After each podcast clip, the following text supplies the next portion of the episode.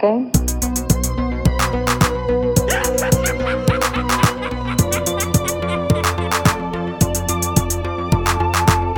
Oh, Hal, do you read me?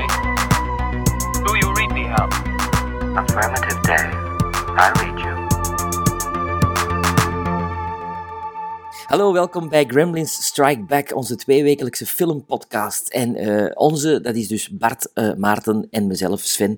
Eh, wij zijn de drie filmwatchers van dienst.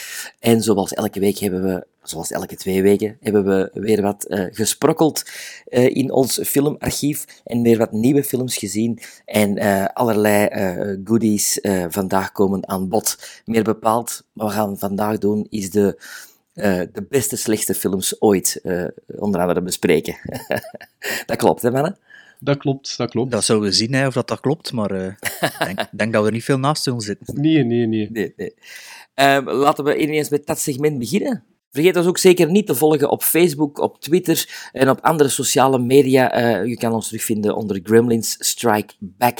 En natuurlijk ook als je commentaar hebt of als je suggesties hebt, kan je altijd mailen naar, en dat ben ik even kwijt, Bart. gremlinstrikeback.gmail.com Voilà. En ook eh, iTunes reviews hè, en sterke Ah ja, ja, iTunes reviews en sterkens. We hebben er al een paar gekregen, hè? Of, of, Ja. Dat is wel, Ja, dat is dat wel is leuk. dat is goede feedback altijd. Ja, Fantastisch. we mag ook nul sterren geven, of nee, dat gaat niet waarschijnlijk, of één ster. Wel, ik denk, hoe meer quota- quotaties dat je krijgt, hoe populairder dat je bent sowieso. Want dan nu goede of slechte zijn. Maar ja, ik veronderstel niet dat er iemand maar één ster zal geven, want ja, En Bart, Bart, Bart is altijd al graag populair geweest. ik, ik, ik- ik kan er ook niet aan doen dat ik populair ben. Trouwens, heeft ons, heeft ons dingetje in de story iets opgeleverd? Ik denk het wel, hè? Zo hier en daar een paar eh, eh, eh, mensen die toch de weg naar de Facebookpagina hebben gevonden. Een Ik stuk denk of die- twintig, denk ik. Ja. 10, Ja, 20. die een dag hebben we toch wel een paar likes bijgekregen Voilà, op voilà. Facebook. Zelfs, zelfs de lezers van de story, zeg. Kijk eens. Shout-out naar de story. You know something, people? You're going to be remembered the rest of your lives for the day you got held up and kidnapped. Victims of Stockholm Syndrome develop compassion and loyalty towards their captors. Never say no to a hostage taker. It's in the manual. Gremlins Strike Back. Hier zijn we dan weer met Stockholm Syndrome. Zoals Sven net zei, hebben we dus drie slechte films, of goede slechte films, of slechte slechte films bekeken. Ehm, omdat het 1 april is, morgen, overmorgen, gisteren, volgende week. eh, volgende week zal het niet zijn, denk ik. Ehm, dus eh, we dachten, we gaan eens de lachende tour op, zonder dat we comedies eh, moeten zoeken. Dus hebben we geopteerd om ehm, ja, drie legendarisch slechte films eh, te doorpluizen, of te doorploeteren. ehm, en... ons kostelijk in onze zetel te amuseren. Zoals bijvoorbeeld Maarten, uw film was. Mijn film was Troll 2 uit eh, Allee, onze- 1990. Onze film, we hebben ze allemaal gezien. Ja, maar, en, en ook de term film mogen we heel los interpreteren, denk ik, voor dit segment nu. eh, voor de drie films dat we nu gaan bespreken. Maar de mijne was inderdaad Troll 2. Eh, Troll 2 is gemaakt in 1990. En eh, om er eh, gewoon al direct mee te beginnen, heeft niets, maar dan ook niets te maken met eh, Troll 1 uit 1986. De fantastische Troll 1. Hè. De fantastische Troll 1. Eh, ook zeker de moeite om eens te bekijken. Als je dan toch een April Fool's segment eh, thuis eens wilt eh, eh, eh, eh, eh, doen. Ehm eh, nee, Troll 2 eh, is eigenlijk hier en daar eh, oorspronkelijk gerelease- gereleased in Europa als eh, Goblins. Eh, wat dat de lading ook iets meer dekt. Want in gans de film spreken we nooit over trolls, maar over goblins. Of, nil, of Ehm, nil, nilbox. Nee, Nilbog. Nilbog, is dat, is dat niet Goblin? Achter Ja, is tevoren, ja. Dat duurt dus 45 minuten, hè, jongens. 45 minuten vooraleer dat ze dat, dat, ze dat een keer door hebben. Ehm, ehm, maar wacht, hè, we gaan niet voorlopen op de feiten. Hè. Dus, ehm, eh, oorspronkelijk gereleased als Goblins in Europa, werd die titel aangepast naar Troll 2 eh, om, eh, voor de Amerikaanse markt, omdat ze dachten dat anders die film zou floppen. Nu, ik denk nu niet dat die verandering in titel daar heel veel aan gedaan heeft, maar kom, je kunt maar proberen. Ehm, maar dat zijn twee van de titels, want ik heb hier ook nog ergens een VHS liggen, waar dat nog een subtitel aan toegevoegd werd van Return of Troll. Dus, dus er zijn heel veel mogelijkheden als het over eh, Troll 2 gaat. Ehm waarover gaat Troll 2? Het gaat over de familie Waits, die naar het ehm, ja, boerendorpje eh Nilbog eh, op vakantie gaat. En die daar... Is dat niet Goblin achterwaarts? en die daar eh, hun huis eigenlijk ruilt met de plaatselijke familie. om daar een paar, ik denk twee weken of zoiets door te brengen. Die zijn heel gastvrij ook. Bijzonder gastvrij. Daar Ehm, pas je niet op. Het, het, het, het, het hoofdpersonage is eigenlijk het kleine jongetje Joshua, gespeeld door Michael Stevenson. En die jongen wordt nogal veelvuldig geplaagd door visioenen van zijn overleden grootvader, die hem in de eerste plaats waarschuwt van niet naar Nielbok te gaan, maar als hij dat dan toch zou doen, als hij dat dan toch zou doen, dat hij toch heel hard moet opletten, opletten voor die goblins die daar wonen. Eh, nu, hij slaagt er niet in om zijn ouders ervan te weerhouden van daar naartoe te gaan. En uiteindelijk, wat gebeurt er? Eh, voor de rest van het verhaal eh, wordt het dan natuurlijk duidelijk dat er iets niet plui- pluis is in eh. En, eh, Nielbok? en eh, dus dat is de, de- bij deze de running gag Ja. voor Hans, Hans de, Hans de aflevering. En eh, moeten ze dus eigenlijk proberen van der weg, heel uit eh, zien weg te geraken. Ehm, ik heb nog veel weetjes, maar misschien eerst een keer vragen aan eh, Sven en Bart wat dat ze ervan vonden. Goh, ik, ehm, ik moet eerlijk zeggen, ik vind dat, ik vind dat misschien door de amusementswaarde van de film en door de weetjes allemaal minder erg dan dat men doet uitschijnen. ik Ehm, ik vind dat zelfs een, een heel hoog entertainmentwaarde hebben, net daarom. En, Absoluut. en, en, en onze, onze hoofdrolspeler, eh, slash standaards in het echte leven, hoe heet hem? Ja. Hoe heet hem? Ehm, George Hardy. George Hardy. En wel, ik vind die eigenlijk niet zo slecht. Nee, ik denk dat er eh, veel Vlaamse acteurs eh, nog wat van kunnen leren als je die bezig bent. Zoals wie bijvoorbeeld, Sven? Ik, ik noem geen namen. Ik noem geen Allee, namen. kom aan, Sven. Nee, maar ook, ik, heb, ik heb in het kielzog van, van Troll 2 ook nog eens Troll 1 teruggezien. Ehm, ja, en die vind ik zelfs nog straffer. Allee, ik bedoel, die is, die is, die is ook beter. die hè. is ook beter, die is ook echt, echt heel, heel goed. Dat is Empire hè, die die gemaakt heeft. Ja, Van eh, Charles Band. De Full Moon toch? Hij was dat niet... Eh, allee, ik heb, ik heb er een boek van gelezen en ik heb het nog een keer Ja. heropgefrist. eh, heropgefrist. Dus Charles Band is de... Full Moon heeft hij ook gedaan, maar ten tijde van Troll 1 was dat Empire, Productions Oké. of Films of zo. Dat, dat heeft van 84 tot 89 bestaan. En dat is ook mede de reden volgens mij waarom dat Troll 2 eigenlijk niet Goblins heet, maar Troll 2. Omdat ehm, ik denk Paramount Hans de Stal overgenomen heeft. En ehm, Empire was redelijk, een redelijk eh, video, videotrash staple in de States ja, ook. Ja. Dus dat, dat was eigenlijk garant, dat stond een beetje garant om verhuurd te geraken. En ehm, ik denk dat ze door de film Troll 2 te noemen hebben, een beetje wou meepikken van, van de, Mm. van de VHS-inbrengsten van Empire, die vooral bekend zijn van, eh van Ghoulies. Dat was hun grootste succes. Eh, ook in het kielzocht dus van de Gremlins. En wat hebben ze nog gespeeld? Zo- Zone Troopers hebben die ook gedaan. ja, en die Eh, werden allemaal uitgebracht door Vestron International Home Entertainment. Ah ja, International, dat weet ik niet meer. Dus eh, Empire, Empire eh, heeft, heeft die allemaal geproduceerd. En, en ehm, allee, noemt de film weer van eh, Stuart Gordon. Reanimator ook, maar ook die Hmm. andere Beyond... eh, Castle Freak en... nee, eh, Castle Freak is later, dat is in de jaren 90. Dat was al Full Moon dan. Dat, was dat zou Full kunnen, Moon ja. ja. Maar ehm allee, noemt hij een andere film nu weer? The, Eh, the Gates, the Beyond- From Beyond, From From Beyond. Beyond. Ah, From. Beyond. From Beyond. Dat is ook, Ook allemaal Lovecraft, hè? Dat zijn Ja. allemaal Lovecraft-verfilmingen, hè? Ja, allemaal Lovecraft-film van Stuart Gordon. En die Ja. zitten allemaal op dat Empire, eh, op dat Empire-label, zo gezegd. eh. Maar ik, denk, ik denk bijvoorbeeld bij Troll 2, als je dat, als je dat iets beter van dialogen maakt en, en iets beter van creatures maakt, dat je eigenlijk wel ja, een, een, nog- een nog beter, allee, ja, een betere film kunt hebben. Maar er zitten wel elementen in die, die goed zijn. Ja. ja, maar ja, als je al nog beter, eh, wat was het, make-up en nog beter eh, dialogen, dan is het al bijna met een volledige nieuwe film. Ja, maar ja, Dus echt- uiteraard. Dus uiteraard. ik moet een reboot, hè? Ja, ja. Want die troll... Nee, die, nee, nee, die- nee, nee. die goblins, die goblins die erin in, in zitten, Ja. die doen mij echt enorm denken aan Snaggletooth, een personage uit The Empire Strikes Back. Eh, er is zo één personage, Ja, een soort ja. dok- dokterachtige figuur.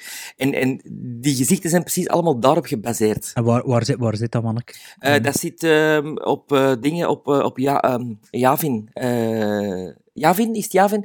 Nee, de Lando Calrissian, zijn... zijn Ah, zijn planeet Oh, ja, of zijn, ja. zijn Ja. dingen. Ah, daar zit Daar, er, ah, daar. dat was me niet opgevallen. Wat me wel opgevallen is, is dat de, de Queen of Goblins, eh, de, de make-up en haar look, eh, lijkt me enorm geïnspireerd te zijn. Allee, enorm, ja, ik bedoel, zo moeilijk was het niet. Eh wat Maarten heeft onlangs nog gezien, de film, of herbekeken, en- op de Heks en Witches, en- Witching and Bitch, Bitching and Witching, Witching and Bitching. ja, ja, ja. de Spaanse, Witching and. Spaanse ja. horrorfilm. Dus Ja. toen dat ik die in beeld zag verschijnen, dacht ik, hey, dat is precies dezelfde, maar eh Ja, die kan van ook de wel oude- toev- toeval zijn natuurlijk, of, of een Ja. knipoog.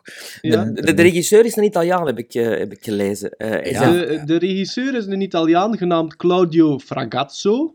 Als Floyd. ik het goed uitspreek. Ja, maar, maar zij heeft dus zijn pseudoniem Drake Floyd gebruikt voor ehm, Troll 2. En eh, een, een, een, een, een paar wistje datjes. Eh, hij heeft het script heeft hij samen met zijn vrouw geschreven, Rosella. Ja. Ehm, en het idee daarachter, allee, het idee om dat script te schrijven is, of was, hou je vast, omdat er een paar vrienden van hun vegetariër waren geworden. Oh, die Dus vegetariërs daar- toch, hè, man. Dus dat, dus Dat is dat de het dus- ondertoon eigenlijk. ja. Ja. De, de Wel, dat- dubbele laag. Ja, dat, dat, daarom eh, zien we dan ook wel vaak, allee, zien we wel mensen in groene smurrie veranderen, om het plantaardige aan te tonen, neem ik aan.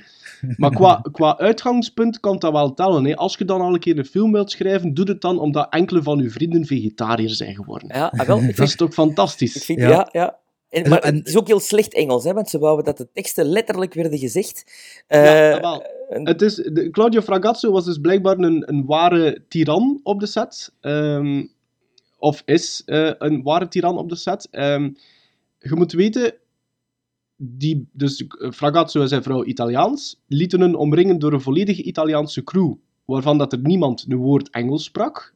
Is, Gast- is het gedraaid in Amerika of in, in Italië? In de Di- Het is gedraaid in Dino Amerika, dinges, ze- de. Sortus, of noemt die gast? eh, De zo Lorientis. Ja, want ik, Ik- weet dat ik- Empire, die Charles Band, zijn vader, heeft heel die boel opgekocht in de jaren 70. maar het is Ik- gedraaid, ik dacht dat is gedraaid in dat Amerika. Ah, is gedraaid in de ja, States? op, Ja, op eh, wat is het? In, in Nilbo, hè? Het, oh, In Nielborg. maar op drie weken of zoiets, hè? Is, is het Oh, heel, heel budget is heel 200.000 euro, heb ik gezien.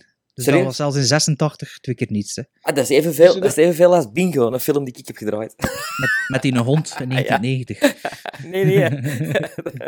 Nee, nee, ik weet welke film dat ik bedoelt. Ehm, ehm, dus, en, en dus die Italiaanse... de- ja, dus de enige in de, de crew die Engels sprak, was de, een Nederlandse vrouw, Laura Gemser, die jullie misschien kennen als de Black Emmanuel. Oh, god. Ah, ja. En die was verantwoordelijk voor de wardrobe op uh, intro 2.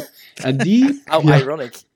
ja, en die fungeerde dus eigenlijk als tolk tussen de, de cast en de crew. En cast moet natuurlijk ook wel heel ruim interpreteren, want op de casting sessies kwamen eigenlijk al de mensen die wij nu in de film zien als hoofdrolspelers, die kwamen daar eigenlijk gewoon naartoe, omdat dat in een plaatselijk dorpje gebeurde, en die hoopten eigenlijk op een klein rolletje als figurant. Ja.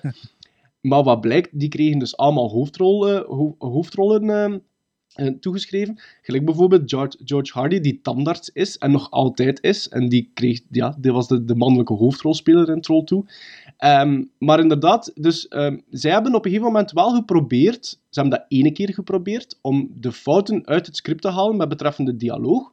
Maar toen dat Fragazzo dat te horen kreeg, heeft hij daar nogal ehm, verkeerd op gereageerd en heeft dus bevolen, met het vingertje zwij- eh, wijzend ondertussen, dat alles letterlijk moest gezegd worden zoals dat hij het geschreven had in het script. Dus dat eh, is de reden eigenlijk waarom dat de dialogen van nogal bedenkelijk allooi zijn. De, de scène bijvoorbeeld waar ze- Oh my god! Is, er- is trouwens een, een, een YouTube-hit, hè. Eh, die, Ja, ja, die ja. scène is al, is al miljoenen keren bekeken, eigenlijk. eh, omdat ze zo slecht is gespeeld wordt, eigenlijk. Ik zal ik anders even zeggen wat ik van Troll 2 vond. Hè. Ik Ja. had dat nog niet mogen doen. Hè. Nee. Nee, het was eh, de derde keer dat ik hem zag nu. Eerlijk gezegd, ik was eigenlijk mee met mijn telefoon bezig dat ik aan het kijken was. En eh, plots na een half uur wist ik eigenlijk niet wat er aan de hand was. Dacht ik, shit, ik had beter wat meer opgelet, maar ik was toch redelijk rap weer mee, moet ik zeggen. Ehm, ehm, ik, vind dat nu, ik vind dat inderdaad ook een film die is slecht, maar slecht, slecht, ja, is dat nu, nu ook niet echt natuurlijk. Hè. Allee, ja, het is wel slecht, ja, moet je dat zeggen? het, het, het is slecht slecht, maar Wel, ik wil er zitten, er Het is, zitten, er het is Ed Wood slecht. Ja, weet je wat Ja. is? Je ziet dat er dan er wel mensen aan het werk waren die van iets wisten. ja, Er zijn kadrages, het zijn geen schone kadrages, maar ze, ze houden toch wel een beetje rekening met bijvoorbeeld de gulden snede. ja. Er, er, er is, er is iets van belichting, dus je voelt wel dat er wel wat vakmensen bij betrokken waren, dat misschien eerder Nu moet ik even uitleggen wat dat is, wat je juist gezegd hebt, want dat ken ik niet. De, de gul- gulden snede. de de gulden snede. Wat is dat? Dat is, ehm, wel, als je gewoon een standaard eh, foto neemt, of eh, beeld maakt met een camera of schilderij of zo. De gulden snede is eigenlijk een natuurlijke. Goh, man.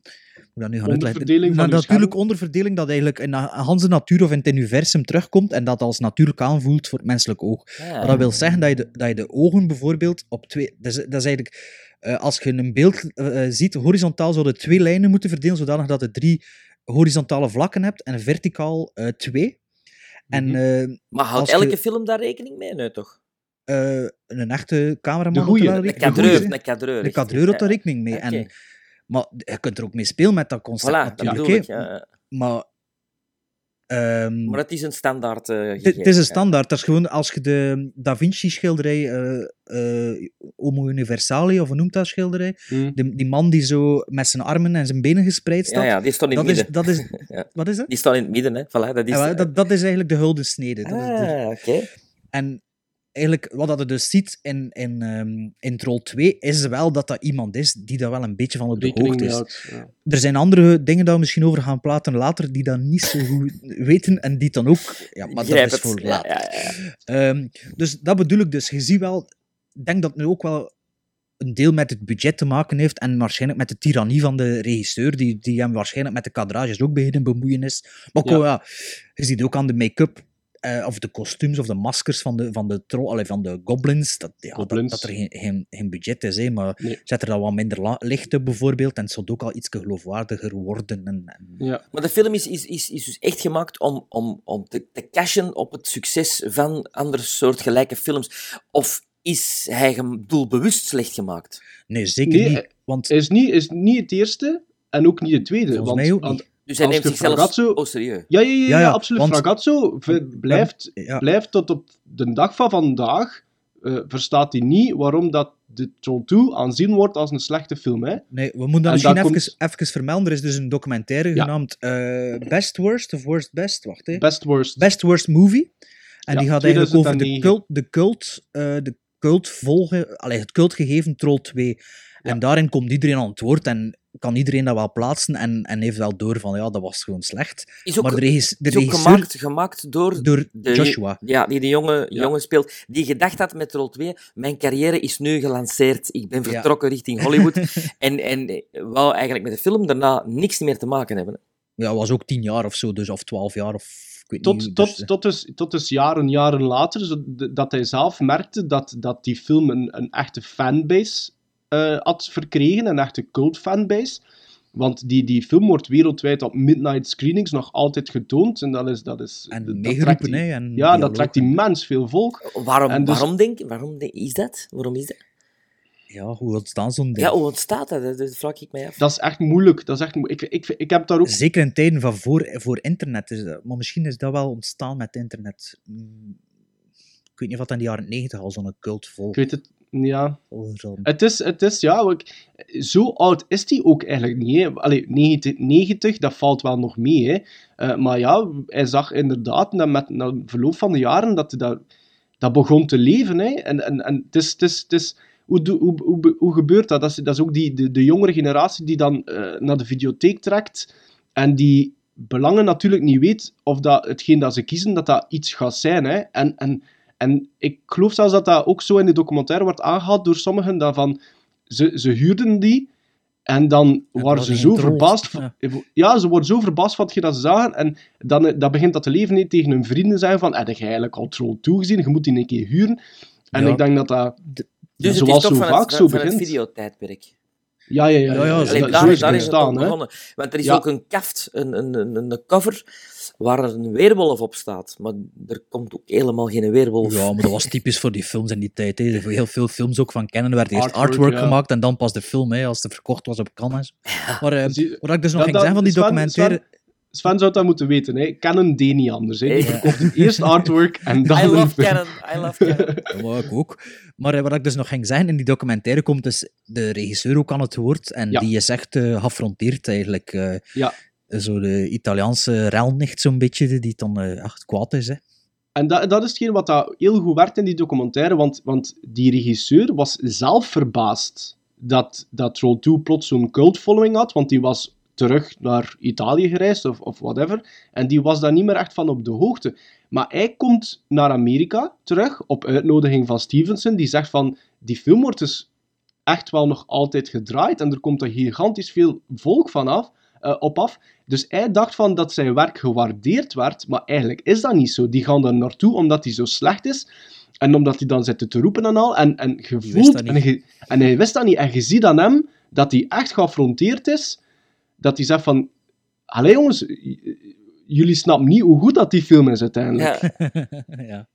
die zitten echt op een andere planeet. Ja, ja.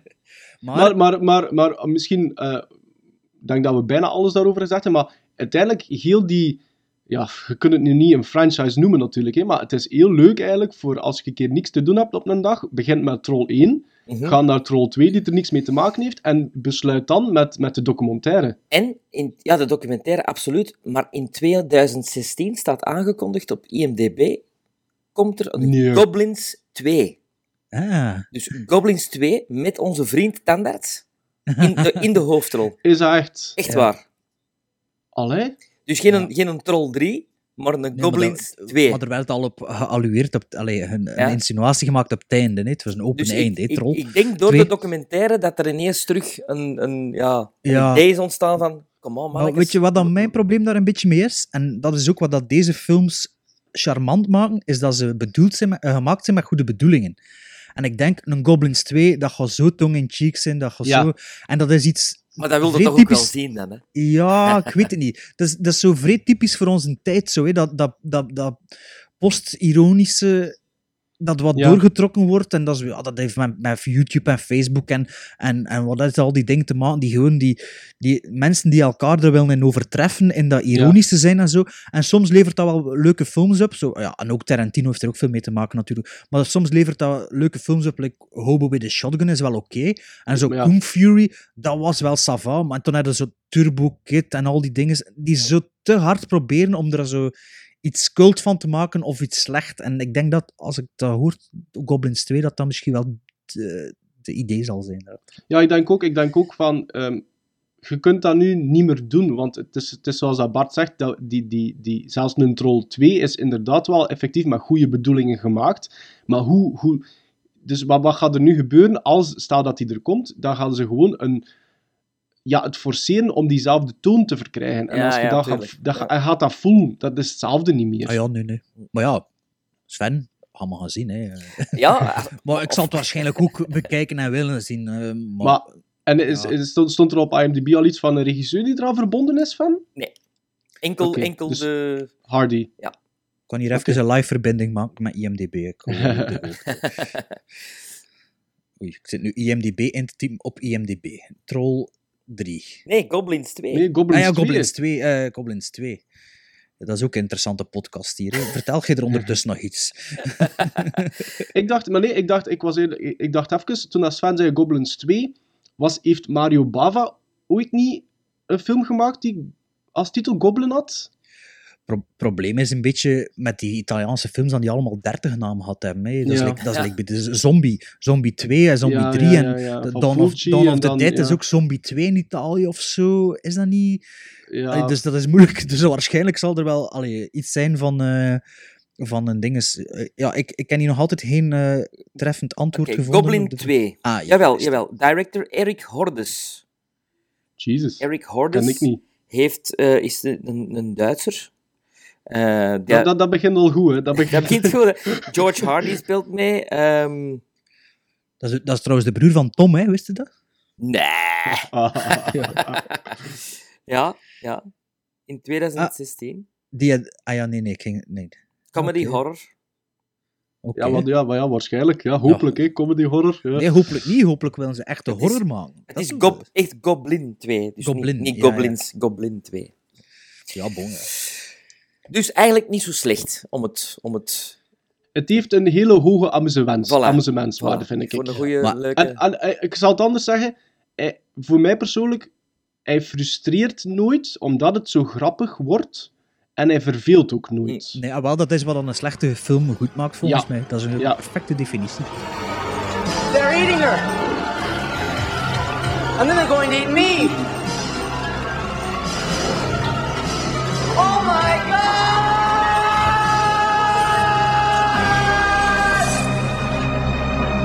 Oké, maar dan gaan we gewoon door. Hè. Ja. Dus dat was Troll 2. En nu is het eh, de beurt aan, als ik me niet vergis, Bart.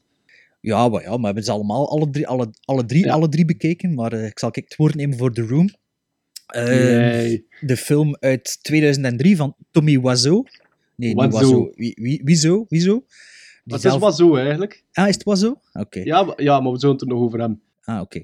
Eh, dus Tony Wiseau, die eh, zelf ook de hoofdrol speelt in zijn cultklassieker The Room, eh, samen met Greg Sestero en Juliette Daniel speelt er ook een rol in. Allemaal enorm bekende acteurs. De verhaal, ik zal even een synopsis proberen te geven, maar als je dit gehoord hebt en je gaat de film zien, go with the flow, want als je dit gaat proberen te zoeken in de film, ik weet niet of dat allemaal gaat zien. De eerste zin klopt wel, dus dat zit al op een goed spoor. Dus eh, Johnny is een bankier, die woont in San Francisco samen met zijn fiancé, met zijn verloofde, eh, genaamd Lisa. En eh, Lisa begint zich een beetje te vervelen, omdat ze, ja, ze wordt goed onderhouden door haar vriend ehm, Johnny. En ja, het is natuurlijk een vrouw, dus die kan niets doen, die moet gewoon thuis zitten. En ze beginnen haar te vervelen. En ja, in die film is dat zo. Hè. Ze beginnen haar te vervelen en eh, Lisa begint aan te pap- pappen met eh, Johnny's best friend Mark. Dus de, de beste vriend van eh, Johnny is Mark. En ja, die beginnen eigenlijk een affaire en ehm, van het een komt het andere. En ja, wat er allemaal gebeurt in de film zou je zelf moeten ontdekken, want ik zou niet graag spoilers geven voor The Room. Goh, Eh. er gebeurt eigenlijk niet zoveel. Nee, dus eh, ja, The Room. Ik heb ehm, twee vorige week, twee weken geleden in Brussel op Offscreen Festival voor de tweede keer in de zaal gaan zien.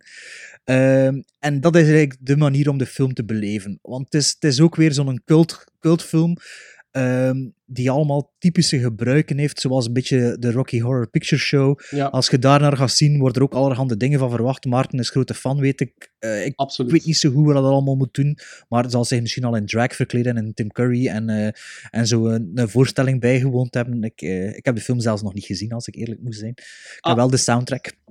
Ehm, eh, dus wat moet je allemaal doen als je de film gaat zien? Bijvoorbeeld, dat is wanneer er ehm, eh, kadertjes in het decor staan, zijn die meer dan de helft van de tijd voorzien van plastieke lepels. Dus er zit een foto in of afbeelding van plastieke lepels.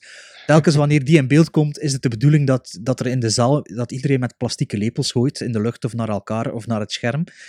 Eh, wat, wat is, gebeurt wat, is daar eigenlijk de bedoeling van geweest? Van Tommy Wiseau? Ehm, naar het schijnt heeft hij eigenlijk gewoon, was er te weinig decor volgens de cameraman en is hij gewoon naar buiten gelopen, een winkel binnengegaan, wat kadertjes gekocht en neergezet. Maar kadertjes Makes van sense, plastieke lepeltjes. Allee, ja, dat is op zich ook al Ja. geschift. Maar Ja. ja. Wij moesten het nu nog maken dat wel zo goed verkopen bij bepaalde mensen. maar wie wil er niet zo'n kader in huizen? Maar wat gebeurt er nog allemaal in de film? Er zijn ook een paar scènes waar met een voetbal gegooid wordt, een American voetbal. Eh, in de zaal wordt er, is er al, altijd wel iemand of meerdere mensen die een voetbal mee hebben en dan wordt er gewoon naar elkaar gegooid tijdens die scènes.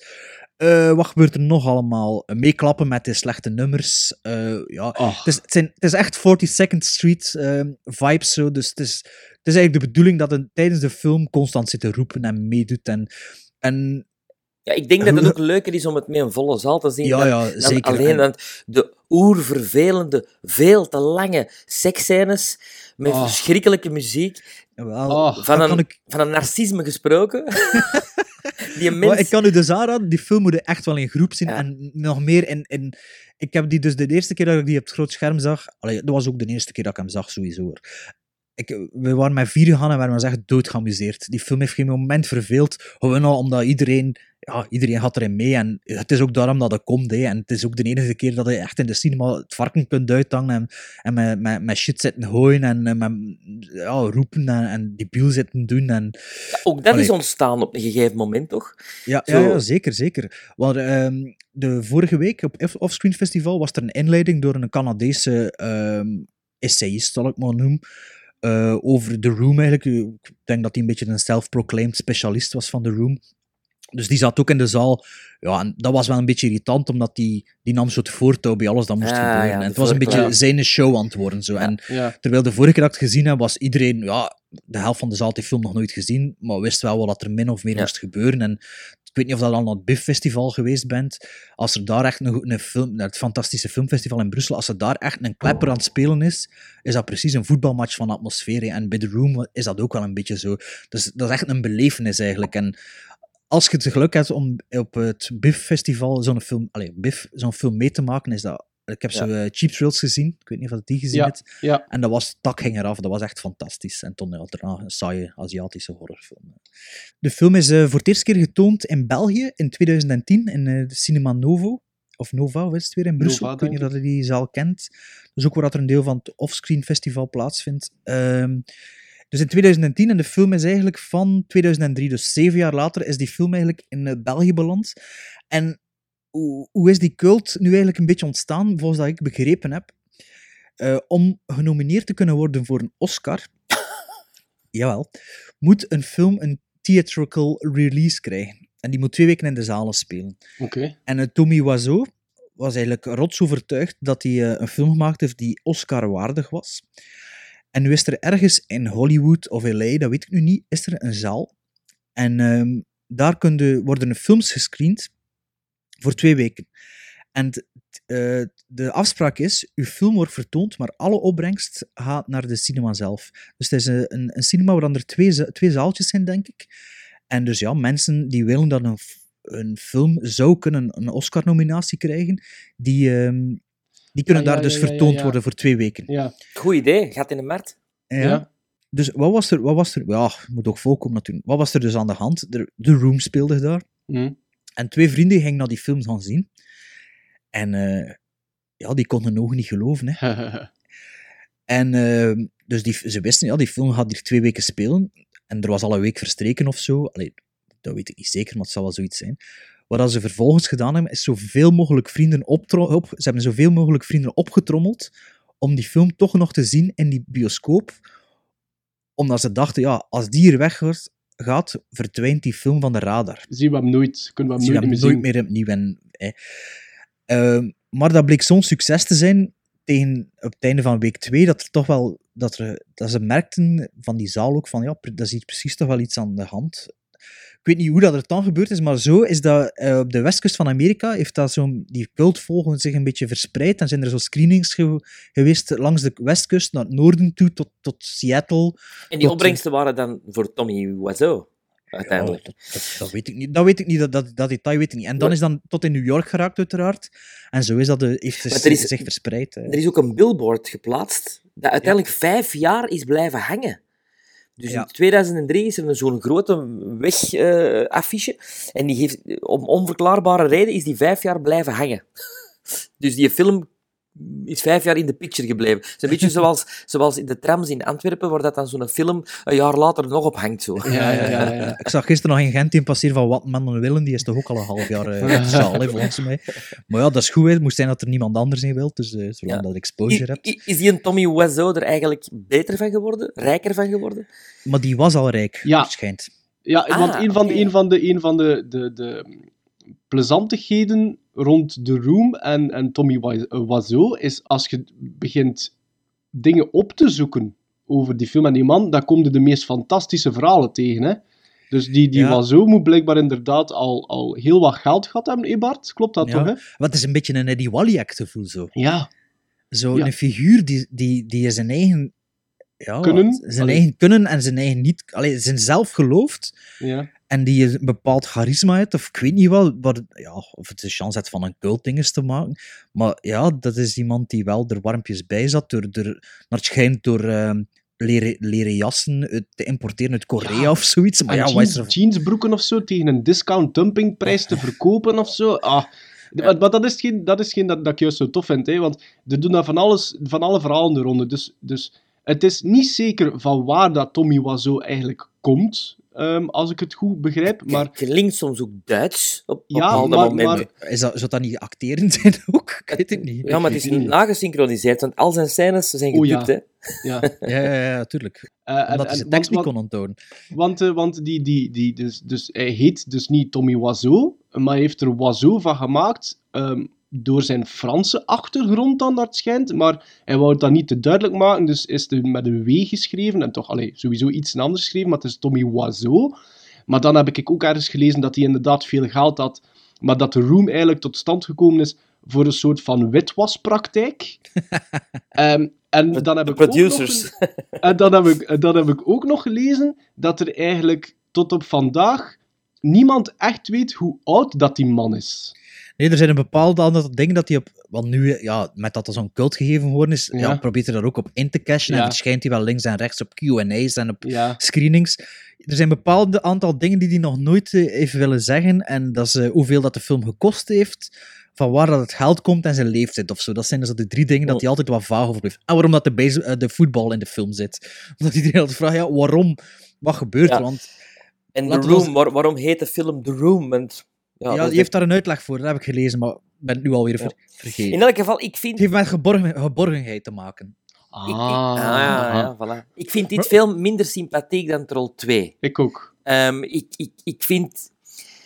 Als ik dit bekijk, ik had het nog nooit gezien. Ik heb het eh, dankzij Maarten eh, kunnen bekijken. Ehm, maar ehm, ik vind het een... ik vind het eigenlijk misplaatst dat zoiets een cultfollowing eh, heeft. Eh, ik vind dat bij Troll 2 veel meer ehm, eh, waardig. Value. Value. En hier vind ik het eigenlijk een beetje... Ja, het, het stoot me een beetje tegen de borst ook, omdat, omdat deze film zichzelf, eh, denk ik, doelbewust slecht heeft gemaakt. Ja, dat, daar ben ik zeker van dat dat niet de bedoeling was. Ja? Ja. Ehm, misschien moet ik iets nog even hebben over wat er allemaal fout is aan de film zelf. Maar er is ook een boek geschreven door Greg Sestero, of hoe noemt hij weer? Sestero? Sestero? Ja. Eh, The Disaster Artist. En dat is dus een boek wa- waar, eigenlijk over de making-of van die film. En eigenlijk komt er eigenlijk op neer dat die Tom, Tommy Wiseau, dat, dat, eigenlijk, ja, dat er iemand is die, die, niet, die niet normaal is, om een of andere reden, die, die ook niet wist waar hij mee bezig was. Die heeft dus naar het schijnt, dus de film is gedraaid op eh 35 mm pellicule, maar ook gelijktijdig. Ja. nee, gelijktijdig op high definition video. Ja. Omdat hij niet wist wat het verschil was. En hij heeft ook alle camera's gekocht. Ja. Niet gehuurd. Normaal gezien bij filmopnames gebeurt, wordt dat gehuurd bij een, eh, bij een verhuurbedrijf van cameramateriaal. Hij heeft dus alles zelf gekocht. Ik denk dat dat dus een mens was die totaal niet wist wat hij mee bezig was. En die ook, eh, naar het schijnt, draaidag 1 was de, waren de seksscènes. En Ja, eerst geen, dat geen, closed set, maar een open set. hè. een open set. Dus normaal gezien bij filmopnames wordt er wel aangestuurd dat, dat er zo weinig mogelijk volk op de set is die er niet direct moest zijn om de comfort van de acteurs en dit en dat. Maar Tommy Wiseau die wou eigenlijk dat iedereen op de set was om naar zijn bloot gat te zien. Ja. De, de seksscènes wou hij ook integraal in de film hebben, maar een- een monteur heeft het kunnen overtuigen om het niet integraal erin te steken en in plaats van 12 minuten er 6 minuten van te maken. En het duurt nog altijd veel te lang. En komt ook drie keer terug. En Ja. daarom vind ik dat er weinig verschil zit tussen, tussen The Room of een, een, een, een pornofilm. Maar een pornofilm met, met zo'n verhaaltje, zo, hè, zo met, Ja. met, Met, met Eh. de dinges, met Skulder, eh, Mully of Scully, of noemt hij weer? ja, Eh, of, Red Shoe Diaries. Red Shoe Diaries. zoiets. eh, wel, zoiets, zoiets. Er wordt even, even goed of slecht in geacteerd dan in zoiets. Ehm, is het dan een verdoken pornofilm geweest? Of een, een narcistische pornofilm van nee, die want mens? volgens mij zit hij die vrouw te penetreren. Eh, Op haar in eh, ja, of in haar buik of zoiets. Dus Ja. dat- ik denk dat dat iemand is die met, met, ja, met Met hoogheidswaanzin. hoogheidswaanzin. Of, of, Maar, de, maar de Room is wel een film, als je het erover hebt, moeten proberen. eh, Ik denk dat, dat, dat we toch moeten proberen om onze, onze luisteraar visueel iets proberen voor te stellen. Je moet dus weten dat in de eerste 15 minuten, denk ik, 20 minuten maximum van de Room, er zitten daar dus inderdaad drie seks, allee, vrij scènes in. Die worden alle drie ehm, begeleid door ehm, muziek die zelfs de ehm ter ziele gegaane knuffelrock-cd's niet Nee. op een plaat zouden willen hebben. Met lyrics die zo cliché en plat zijn dat je er echt van zou willen weglopen. En ondertussen heb je daar een Tommy Wiseau die heel fier moet geweest zijn op zijn lichaam, die daar zijn best zit te doen. En ondertussen wat kreetjes en lachjes Ja, duidelijk Zit- nagesynchroniseerd Ja. ook. en, en, en het is allemaal zo slecht. En, en dus zoals dat Bart zegt, je hebt dan anatomisch... Allee, hij weet niet goed wat dat hij aan het doen is, want volgens mij is, is hij dus echt op haar knie eerst, dan op haar heup, en als, als we Bart moeten geloven, eindigt hij op haar buik eigenlijk. Het, het, is, het, het is zo slecht. En het is zo slecht in beeld gebracht. En het duurt allemaal zo lang. En dat is eigenlijk essentieel. Dat is in essentie de eerste 15 tot 20 minuten van de room. Maar ja, wat dat er nog allemaal verkeerd is aan de film. Allee, dus zoals ik daarnet zei, kadrages die zijn er niet. Nee. Eh, montage is quasi onbestaande. En, Eh, en, en, en dialogen hele, naast hele elkaar. vreemde, hele Ja. vreemde montage, hè, want je gaat van dag naar nacht naar setting, terwijl dat er een soort van het, het, het flinterdun narratief wordt dan zo'n beetje proberen uit de doeken gedaan, en dan gaat er van dag naar nacht, en dan zijn ze toch nog altijd daarover bezig. Het is vreemd. Ja, het is echt Ja, zo maar vreemd. dat bedoel ik met, met het irriterende aspect on, on, Ja. on, on the room. Wat je niet hebt bij Troll 2.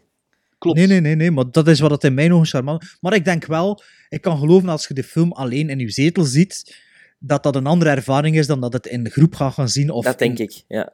Maar ik denk juist dat dat een van de belangrijkste criteriums is, of een van de belangrijkste criteria is van een best worst movie, is dat je ongeacht of dat je die thuis alleen bekijkt of in groep, dat je nog altijd geëntertained bent.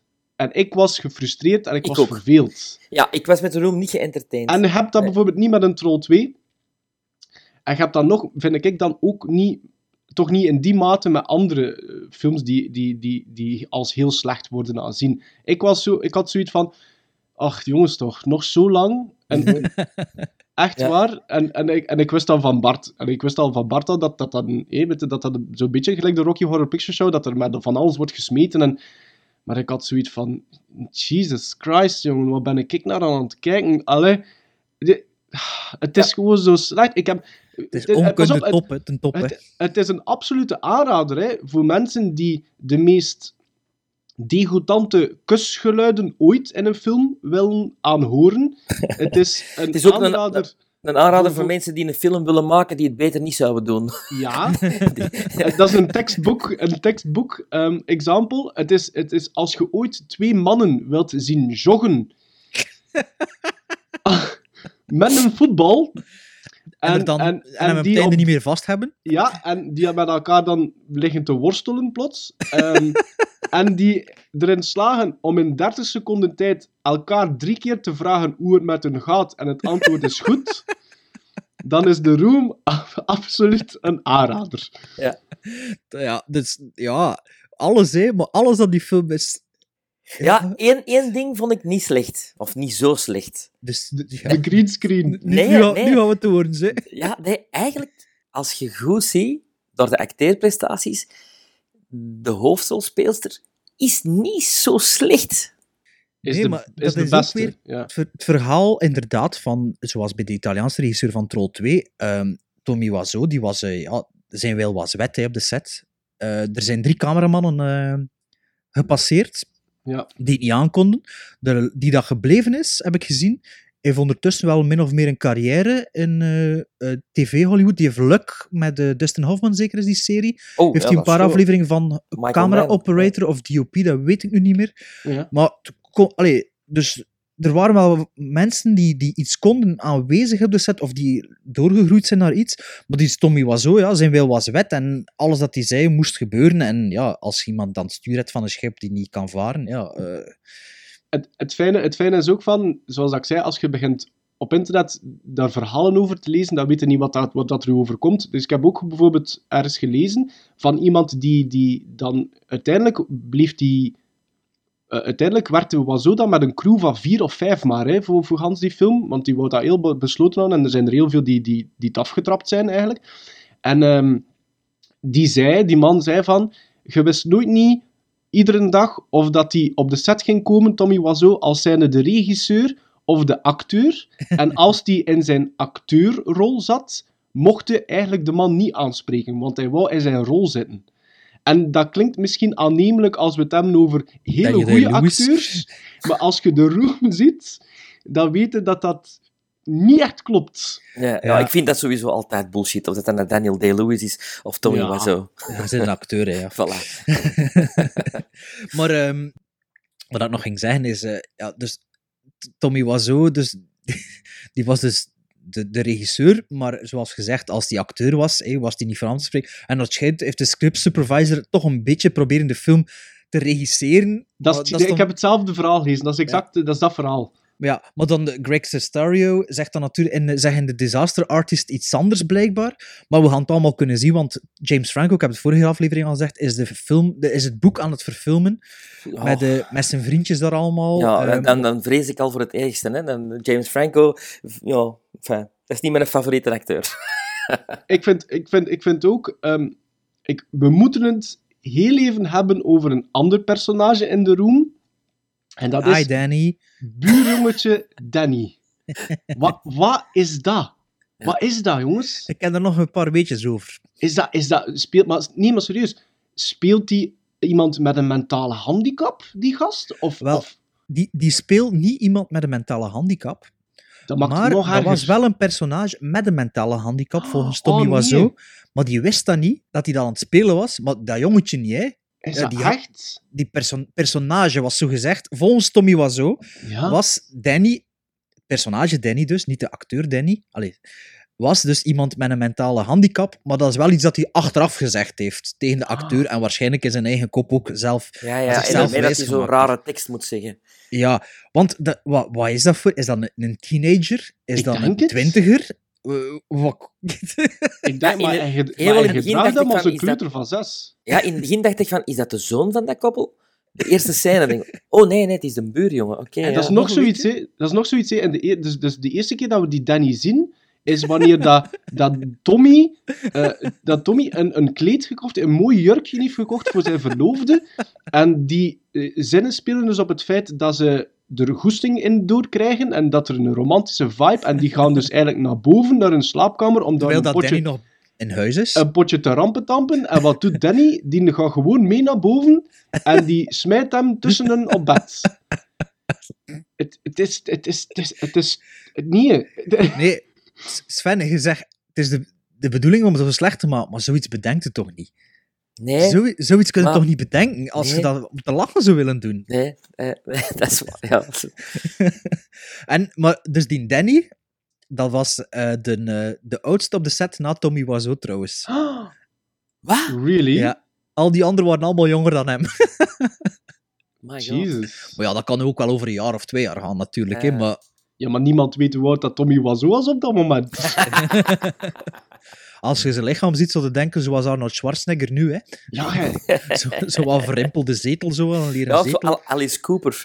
Ja, ja, ja, ja, ja, dat, ja, dat- ja, het is precies een look. Ja, en dat, hij zou nog als lookalike kunnen doorgaan als die gesmet Ja. is. Ehm, ah, en het laatste wat ik toch nog wil aanhalen, een van de scènes waar dat ik het meest heb moeten lachen, is wanneer dat er op een gegeven moment Danny en drie anderen besluiten een partijtje voetbal, voetbal te spelen. En die zitten dus met die een rugbybal naar elkaar te smijten. Ik denk op twee vierkante meter. Fantastisch. Echt Dat is fantastisch. zo'n goede film, man. Dat is niet normaal. Dus- Ja, ja, ja.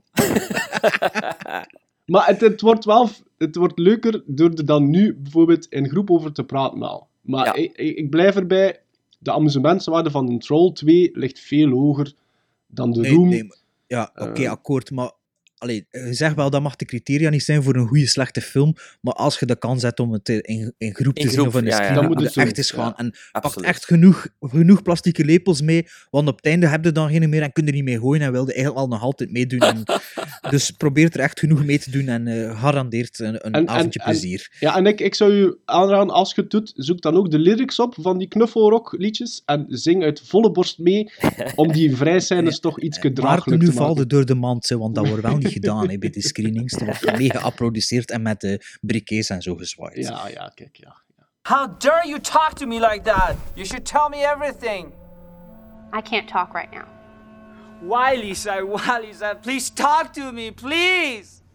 You're part of my life. You are everything. I could not go on without you, Lisa. You're scaring me. You are lying. I never hit you. You are tearing me apart, Lisa. Gremlins Strike Back. De Antwerp Killer. Ja, Ja. Ik had de hem man van de nog nooit- koekenstad, mag ik je zeggen. ik had hem ook nog nooit gezien. Een 49 minuten durende eh, film. Uit, Langspeler, hè. uit 83. Ja, van, van- vanaf wanneer is er eigenlijk een langspeler?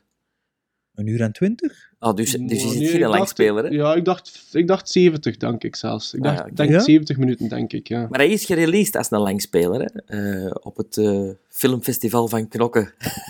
Van Knokkenheist. ja. dankzij, dankzij Jan Mijn hometown. Ja, ja. Wat is dat? Wat is dat? Dat is... ehm, Jullie hadden me nog niet gezien, ik had zeker, hem hè? nog nooit Nee. gezien. Ik had er, eerlijk, ik had er zelfs nog niet van gehoord. Ah, dus Het eigenlijk is- hebben we het hier wel ze- over een cultklassieker die nog niet de status bereikt heeft, Ja. volgens mij. Ja, Wel, ik, ja, ja. ik, denk Sven, ik denk dat Sven hem gewoon eerst moet inleiden. Goh, Ja. voor zover dat er een inleiding aan te geven is. Want het, het handelt eigenlijk over een seriemoordenaar in Antwerpen eh, in de jaren tachtig, die eh, meisjes en vrouwen eh, doodsteekt. Of doodschiet, maar in het begin is het met steken, met, met een Ja. mes. In klaarlichte dag op openbare plaatsen. En onvindbaar is. We, we, we volgen het verhaal via een politieinspecteur, die eigenlijk niet veel meer doet dan telefoneren. En pasjes vragen. en, En zijn handjes er Ja. van aftrekken. Ja. En, en dan is er ook iemand die opgepakt wordt, die het vriendje blijkt te zijn van een, een vrouw, een, een actrice, denk ik. Eh, allee, een actrice die een actrice speelt, die visioenen heeft en die, die, die waanbeelden heeft en die angsten heeft omdat ze heel veel horrorfilms of horrortheaterstukken heeft Ja. gespeeld en een soort van paranoia creëert. Maar Ja. op die manier eigenlijk ehm, ehm, eh, de seriemoordenaar aantrekt. Ja. Dan is er ook nog een verloren gelopen kindje.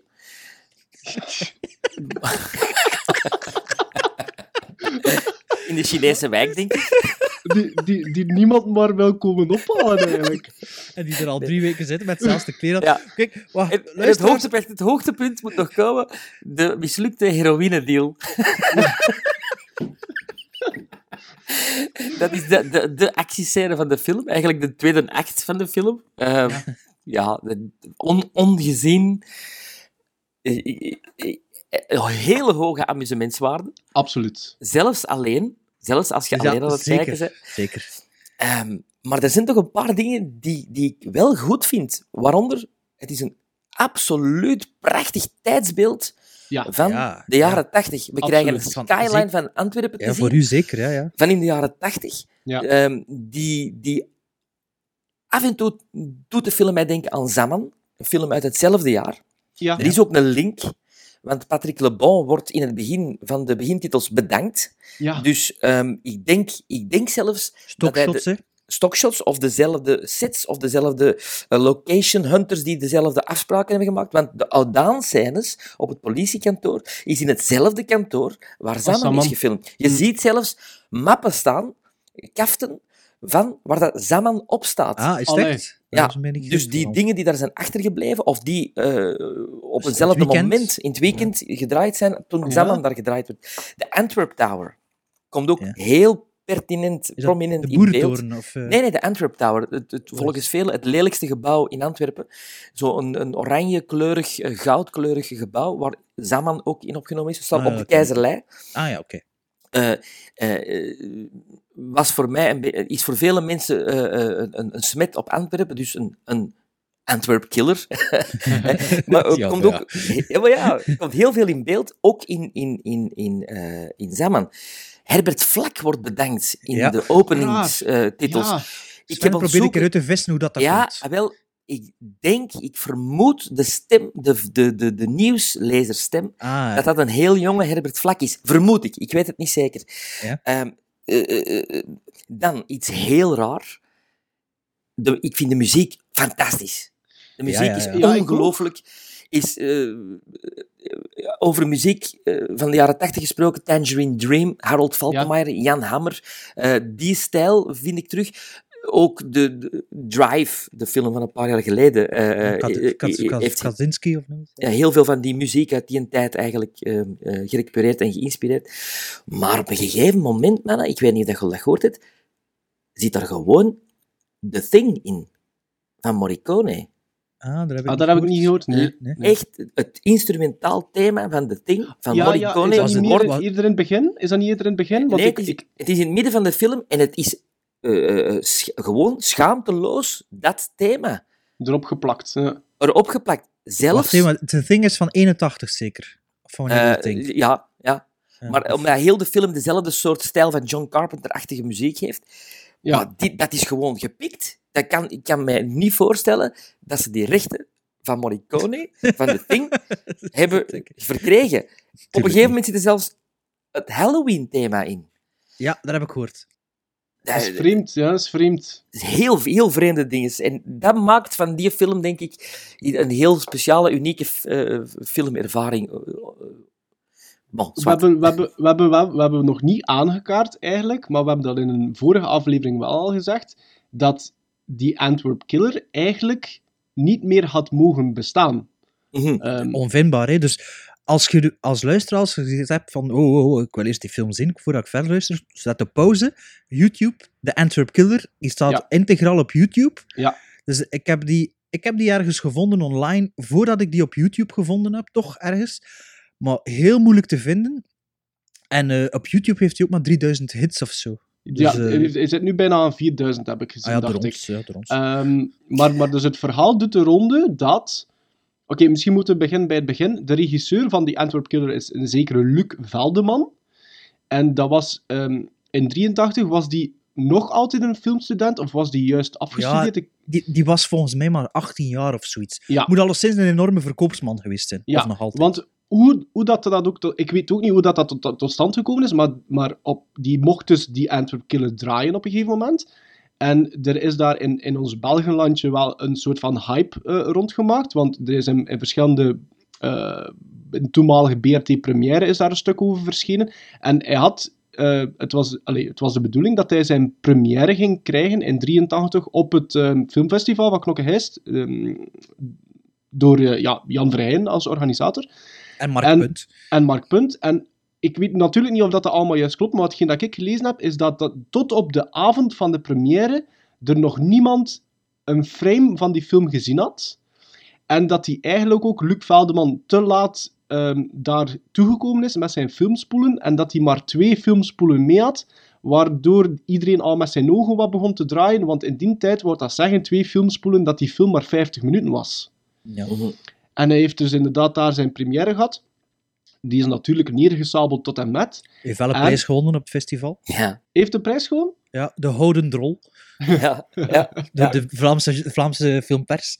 En als ik het goed begrijp, daarna, toen dat hij in het, in het circuit van de videotheken is terechtgekomen, eh, heeft zijn, de vader van Luc Veldeman zijn opperste best gedaan om alle videotheken af te schuimen, om alle kopieën te kunnen kopen en te vernietigen. Klopt omdat dat? Hij beschaamd, ja, omdat hij beschaamd ja, was eigenlijk. Uh, ja, dat zijn de zoon dat gemaakt had. Ja dat, zijn, ja, dat zijn misschien urban legends. Dat is misschien een urban legend, maar hoe maar dan nu, ook... Nu, nu zo is redelijk onvindbaar, hè? Ja, en nu zo beschamend vind ik het ook niet, want ik, ik, nee, ik vind hem eigenlijk redelijk braaf. Um, ja, zelfs voor in die tijd. Ja, ja, het is inderdaad een, het is super slecht en het klopt, het klopt allemaal niet. Maar nu, het is nu niet omdat er dingen in gebeuren, dat nee. zo beschaamd nee. over zijn. Het is, nee. allee, ja, inderdaad, moest mijn klein zoiets maken, zou zijn. Ja, allee, ja. Oh, goed geprobeerd. Goed, geprobeerd, goeie, ja, probeer iets beter in nu. Voilà. het, is, het, is, het, het, blijft een leuk experiment om dat te kijken, ook qua, qua beeldtaal, qua montage. Ja. Ja, nee, het is iemand die echt zegt van, ik heb hier een camera en ik kon er eens wat mee proberen. Ja, dus pre-YouTube, hè de ja. dag van vandaag, de dag van vandaag zouden als vader zeggen van jongen, had misschien toch beter een alias gebruikt. Ja, als je voilà. daar released. Ja, Er zit een heel knap shot in, vind ik. Het knapste shot van de film is uh, de Antwerp Killer die uit de metro komt en die langs de zijkanten eigenlijk gereflecteerd wordt in de, in de, in de roltrappen. Dat vind ik toch wel een knap shot. Ja. Eerlijk gezegd. en datzelfde shot komt er zo drie keer in of zoiets. Ja, ja overbelicht, overbelicht. Ja.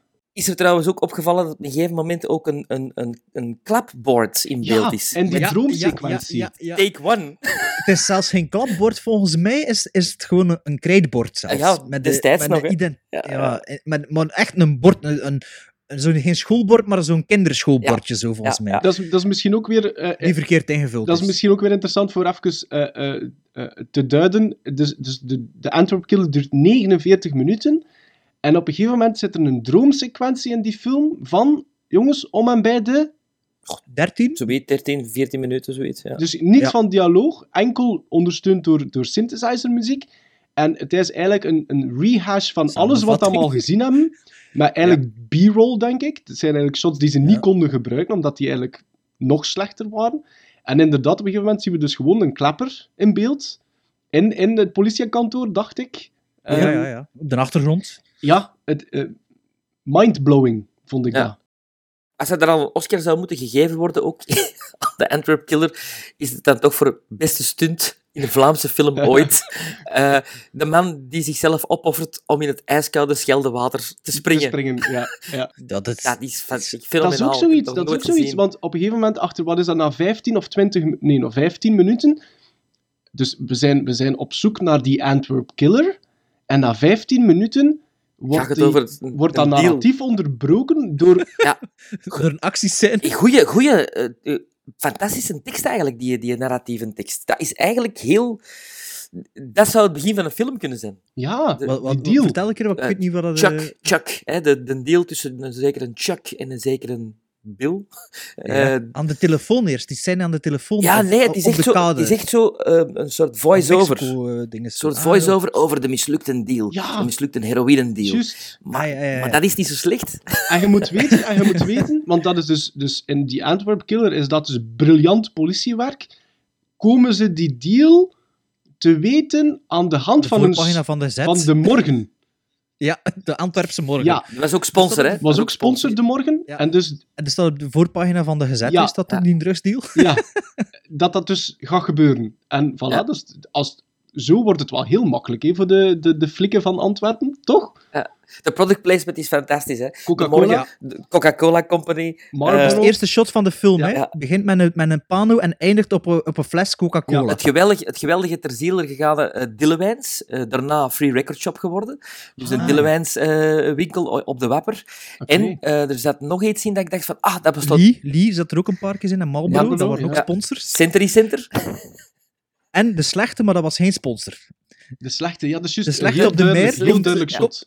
Ja. Toen, wanneer dat meisje werk Ja. aan het zoeken is, wandelt ze de meer binnen en bu- de, de slechte. op de meer binnen die en ook, buiten. die ook niet meer bestaat. Dus qua tijdsbeeld kan Ah, het wel tellen. lang kan het wel tellen. Er is alleen nog de slechte op de Wapper. En wat is de wapper? Dat is waar dat die in Dillewijns was. Daarnet. Het, het is, het is, misschien, misschien moeten we nog even een paar voorbeeldjes aanhalen van hoe slecht dat die Antwerp Killer eigenlijk wel is. Mag ik nog, he- mag ik nog iets zeggen maar. over die sponsors? Dus Coca-Cola Company is een sponsor, staat er op de begintitel en de aftiteling die identiek hetzelfde is. Maar tegen het einde toe is er toch wel een funky... ehm, funky eh, eh, eh, Sky, discotheek Sky. Neon, nee, nee, neon, neonlichte montage Ja. waarbij beeldvullend drie keer Pepsi in Ja, beeld ja, komt. zot, ja. zot. Omdat Pepsi eh, in die discotheek, de, in de discotheek Sky, eh, die erin voorkomt, Ah, dat was een echte discotheek in Antwerpen. Eh, daar eh, was Pepsi dus de, de de, Pepsi. de hoofdsponsor. En de muziek die in die discotheek eigenlijk gedraaid wordt, is ook de muziek die in de discotheekscène in Zaman zit. En op de trailer van Zaman ook te horen is. Allee. Oh, mooi. Ja, ja. Dus die link met Patrick Le Bon is eigenlijk inderdaad wel heel duidelijk dan, hè? Ja, ja. Nee, de, ehm, wat dat ik... eh, ik kan ook... Ik zeg het, hè, ik, bij de Room heb ik al aangeraden omwille van enkele stukken. Die Antwerp Killer zou ik aanraden, omdat dat bij mijn weten de eerste keer is in een film dat ik een achtervolging heb gezien in een politiekantoor. Zit dat niet een zware jongens of zo? Nee, dat was in een reisbureau. Ja, dat is een reisbureau, ja, dat is juist. Dat is het reisbureau in het begin. Dus, ja. dus op een- en, en, en in, de, in de eerste twee minuten van de film wordt er al een verdachte, een jonge man die het eerste lijk heeft opgemerkt, wordt in de bak gesmeten, omdat eigenlijk geïnsinueerd wordt dat hij daar niks te zoeken had om op dat moment in een donkere steeg te wandelen. Ik ga toch wat ik wil. En, en, en, en die jong wordt in de bak gesmeten, en dat wordt dus niet duidelijk of de jong eigenlijk ooit wordt uitgelaten. hè? Ja, maar er zat een sublieme, sublimale message ook in. De, het personage had een eh, wit t-shirt aan met zwarte strepen. Ja. Zoals een gevangene in de, in de Amerikaanse films. Fantastisch. Dus ik denk dat er daar toch over nagedacht is. Blijkbaar. Kan ook de, Blijkbaar. sail, de sailor zijn van de haven van Antwerpen. En, en, en wat, wat, wat, wat ook zoiets is, dus op een gegeven moment komt die, die, die vrouw, dus dan laten we dat dan maar de vrouwelijke hoofdrolspeelster noemen, die wordt uitgenodigd op dat politiekantoor, omdat ze eigenlijk een kennis van haar vermoeden dat dat die Antwerp Killer is. En, en, en de reden daarvoor is omdat hij ook een bruine leren jakker draagt. Ja, ja, Hè? ja. Ja. En, dat, En die wordt dan ook even opgesloten voor haar eigen ja, veiligheid. ja, ja, want, ze, ja want, want eerst wil ze niet zeggen wie dat, dat is. En daarna wordt ze opgesloten omdat zij vermoeden dat zij het volgende slachtoffer zou kunnen zijn of zo. Hè. Dat, dus Ja. eh, fantastisch, fantastisch. Ja, geweldig. Geweldige eh, Ja. cult, cultfilm. Ja, maar dus, dus de, Wat er ook enorm goed is aan zo'n soort films, dat het de moordenaar en zo moest zo... Allee, zo van die moordfilms, like Halloween en, en, en Friday the 13th en The Antwerp Killer is altijd wie, wie zou het kunnen zijn, wie zou het kunnen gedaan Ja. zijn. Maar daar heeft, de, heeft de, onze Luc Veldeman... eh, ja, die zegt, ik doe mijn eigen stijl en die brengt gewoon in minuut vier de moordenaar de voeten uit, frontaal in beeld, op de trappen aan de opera in Antwerpen, eh, aan de metro. Die zegt, ja, fuck it, ik, ik doe mijn ding en eh, dat is ook spannend, zo'n film. Maar, eh, en dus, dus, maar, maar die Antwerp Killer wordt eigenlijk nooit niet gevat, hè? Je hebt...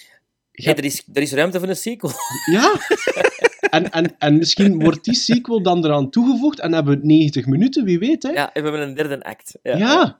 Ja, en misschien nog een vierde, als we alles nog een keer eh, opnieuw tonen hè, op het einde. Maar, Nee, maar maar- de muziek is fantastisch. Ja. ik wou ook nog even over de muziek beginnen. Dus de muziek is gemaakt door een zekere... Wacht, ik moet even spieken. Erik Verremans. Ja. En wie is Erik Verremans? Dat is de commissaris in de film. Allee. Of de inspecteur, dus de hoofdrolspeler waar. eigenlijk naast de Echt? Antwerp Killer, Echt? is de muzikant. Allee. En de muzikant die zat veel in een café op de Dageraadplaats. De naam is me ontsnapt.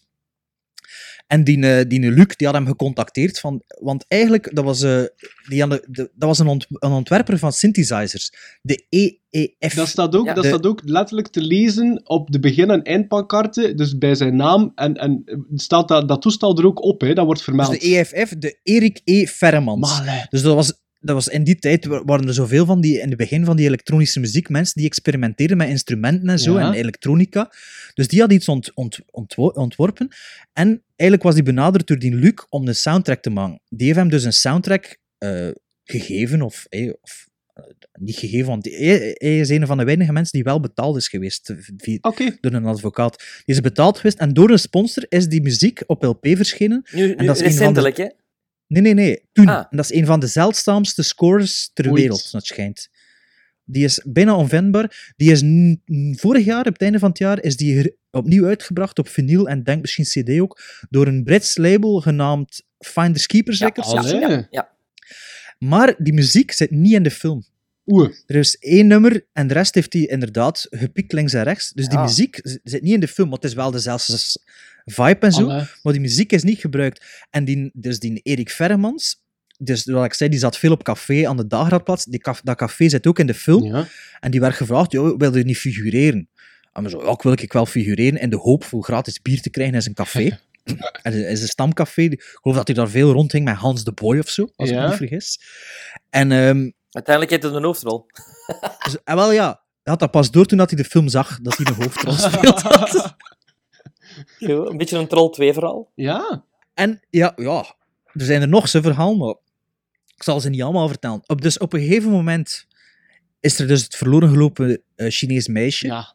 in de film. Ja. Wat zou de reden kunnen zijn dat die in de film zit? Ah, wel, de scène dat hij met dit meisje op zijn arm binnenkomt, is letterlijk hetzelfde shot als in Zaman, waar Zaman met een verloren Ja. gelopen meisje op zijn arm binnenkomt. Juist. Sven, Nee. Luc Veldeman was geen Tarantino. Nee, maar dat was misschien wel op de set aanwezig bij Zaman. Nee, Erik Verreman had geen babysit die dag. Dat meende niet. Allee. Dat is zijn dochter. En dat was, een mei- eh, dat was een dochter die geadopteerd Ah. is. Dus die kwam mee naar de set en die moest dan maar in beeld zitten. Allee. En er werd dan dus nog een scène rondgemaakt. Misschien, en, misschien eh, heeft Patrick Lebon dat wel gepikt van hem in Zaman.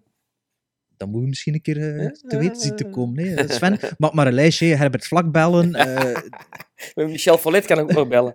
ja, dat hebben we nog niet vermeld. De hè. Michel de Follet is de star power van de film. Hè. Ook de psychiater. grootste close-up van de film. Hè. Ja. Dus Eh. er zitten niet veel close-ups in de film. En plots, bam, Ja, en ook, schermvullend Michel Follet. ook geweldige continuity eh, eh, Ja. fouten met, Ja. met zijn bril. Ja.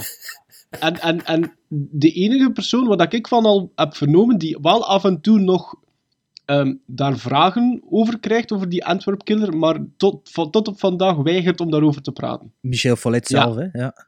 Ja, ja, ja, daar heb ik ook al vernomen. Jan Verheyen heb ik er ook al ook ooit over eh, weten vertellen. Dus ik denk dat ik via hem... Allee, via hem niet, maar Ja. dat ik zo die film ontdekt heb. Ik vind, Ontdekt, ik ook. vind, ik vind het eigenlijk, het, het, die, die film heeft, ik vind dat zo vreemd dat die geen, al is maar een DVD-release. Ik vind dat zo raar dat die film verdwenen is en dat we nu enkel kunnen genieten eh, via een YouTube-linkje eh, in 480p, denk ik. die, die film, als je de Room op Blu-ray uitbrengt, met alle respect, dan moet je de Antwerp Killer in 4K Ultra HD uitbrengen, hè? Toch? Ah, wel. Ja, wie weet. Ja. Ja, ja. Maar eh, ja, de, de film, laten we zeggen, daarnet had ik het ook over kadrages en al, er zijn geen Nee. kadrages. Hè. Dat Nee, is, de hoofd- ik- hoofden worden ik- afgekapt. Ja, ja dus, dat is, ik weet niet wat er... Allee, ik weet wel wat er aan de hand was. Dat is eigenlijk een, een zomerproject geweest van wat... wat- dus dat, dat, dat vind ik nog het charmante eraan. Dat is door, door tieners gemaakt, hè, Ja. die film. Dus ik, je kunt niet, ik vind niet dat je dat ook gewoon kunt veroordelen. eh, dat is ook met goede bedoelingen gemaakt. En ja, misschien met wat hoogheidswaanzin ook eh, van de maker zelf. Maar ja, ik vind soms moet u zelf ook wat, meer krediet geven en moet er zelf in geloven. Als je er zelf al niet in gelooft, eh, tot daar aan toe. Maar ik heb ook in het eerste jaar filmschool heb ik met iemand ook een, een drugsdeal scène op een kaai gefilmd. We zaten twee maanden bij filmschool en ik kan u echt eerlijk zeggen dat beeldvoering Een beetje hetzelfde tien keer was. beter, Ah, ja. tien keer beter was dan dat. Dus. en ja, op een gegeven moment is er ook een drugtrafieker die in beeld komt. Dus dat is zo'n schipper op zo'n eh, zo'n zo'n binnenvaartschip Ja, is een bloot bovenleef. Dat is zo'n insert gefilmd met een lange lens. Ik vraag me af of dat die mens weet dat hij in de film zit en als die als, dat hij als drugstrafieker eh, wordt geportretteerd. Nee, ik denk dat er heel Met veel dingen gewoon bootje. rock, rock and roll zijn gefilmd. Ook Ja. de, Tuurlijk, de, de tuurlijk, straatbeelden ook en zo. eh. Ja, je voelt dat ook. Allee, Maar wel een, Als een enorm goed tijdsbeeld. Een mooie Ja. skyline van Antwerpen. Eh, Ja. Daar alleen al voor een... Beter dan Anyway the Wind Blows, Sven? Daar ga ik mij niet over uitspreken. En wat gaat er dan met mij gebeuren? Ja, jongen, dat zijn mijn zaken niet. Hè. Eh, Ik ga dat maar aan de procureur uitleggen. Ja, je moet aan de procureur. Jongen, ik heb er niks meer mee te maken. Het ziet er slecht uit voor u. En, eh, Oké, ehm, we hebben nog... We hebben wel al een ideetje voor een volgende Stockholm-syndroom. Ja. Of niet? Ja, hè? Mhm. We gaan elkaar een film geven, Ja. hè? Ja. Gewoon. We gaan teruggaan naar de allereerste keer dat we elkaar ehm, een film eigenlijk een, gewoon een titel hebben opge, opgelegd dat de andere twee nog niet gezien hebben. Hè. En begin Oké. ik anders? Ja, zeg maar. Maar. Oké, ik kies voor jullie een film uit 1988, ehm, genaamd Pin. En Pin, Pin. is ehm, eigenlijk een, een, een, een soort van een subgenre van het, van het, van, van het horrorgenre, namelijk het buiksprekersgenre. en ja, je kunt daar nu wel... Maar pas op, Pin is eigenlijk een psychologische thriller.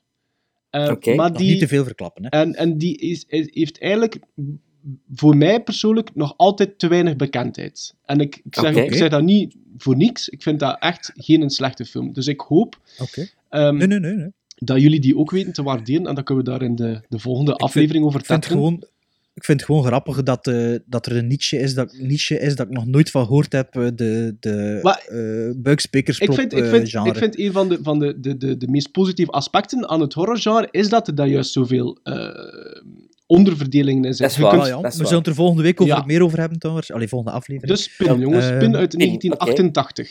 De, de film die ik heb gekozen voor jullie is de film van 2010, eh, niet zo lang Ja. geleden. Een film die onder de radar is verdwenen, ten onrechte volgens mij. eh, Love Ranch. Van Taylor Hackford, eh, nog geen, geen al te Mhm. kleine regisseur. Ehm An Officer and a Gentleman, Against Ja. All Odds. Ook trouwens de man van hoofdrolspeelster in de film Helen Mirren. Oké. En verder, verder met Joe Pesci, eh, Gina Gershon en een van de eerste filmrolletjes van Bryan Cranston. Oké. Ja. Gaat over het eerste eh, legale bordeel in Nevada. Oké. Oké. En eh, ik, ik heb nog een film voor jullie. Ehm, we hebben het er al over gehad. En de film heeft voor mij weer een nieuwe periode ingeleid, omdat ik nu eigenlijk enorm veel classics die ik nog niet gezien heb aan het bekijken was. En dat is The Wages of Fear. Dus eh, Le Salaire de, du Peur eh, van uh, Clouseau. hè. Henry George Clouseau. We hebben het er al een keer over gehad. Dus de, de, Jullie zijn de Sorcerer. eh, de Sorcerer, so- source materiaal van de Sorcerer. ja. Eh, jullie zijn grote fan van Sorcerer. Ik heb hem vorige week eindelijk op Blu-ray gevonden. Ehm. Dus ik ben benieuwd wat jullie ervan vinden. Ik ben ook benieuwd. Dus, Is dat te vinden in de bibliotheek? Ja. Ja. Oké. ik heb die toch in de bibliotheek al gevonden. En ondertussen heb ik hem op Criterion Collection eh, besteld. En ik ga hem ook nog eens bekijken volgende week.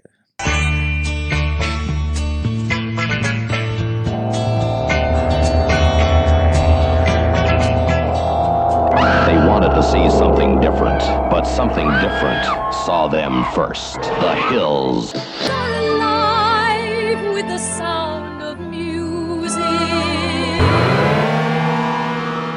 De filmscore die ik deze keer heb gekozen is uh, van een film uit 1995. In 1995 was het jaar waar er heel veel spin-offs of films die geïnspireerd werden door The Silence of the Lambs. Uh, we zaten in die periode uh, waar heel veel serial killer films komen. En in 1995 is er een, een, kleine film die, die van, naar mijn gevoel iets te weinig aandacht heeft gekregen, Copycat.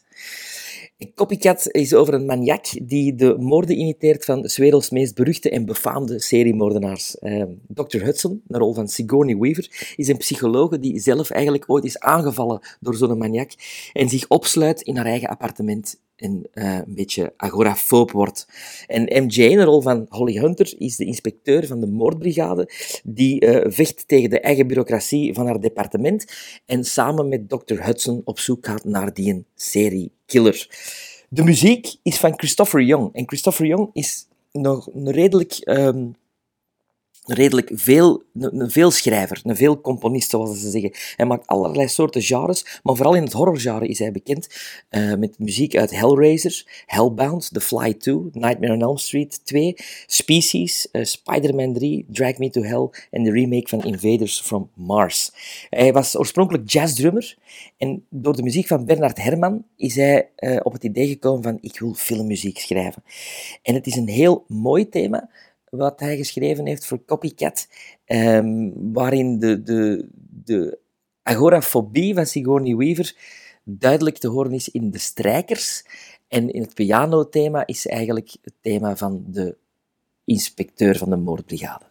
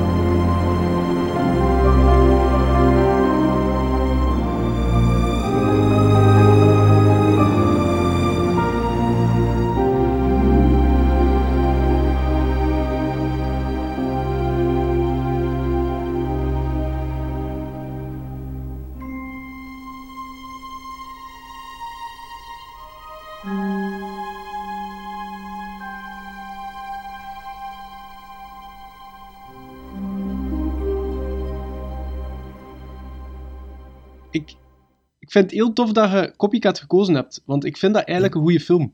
Ik ook. Um, ik vind dat Sigourney Weaver...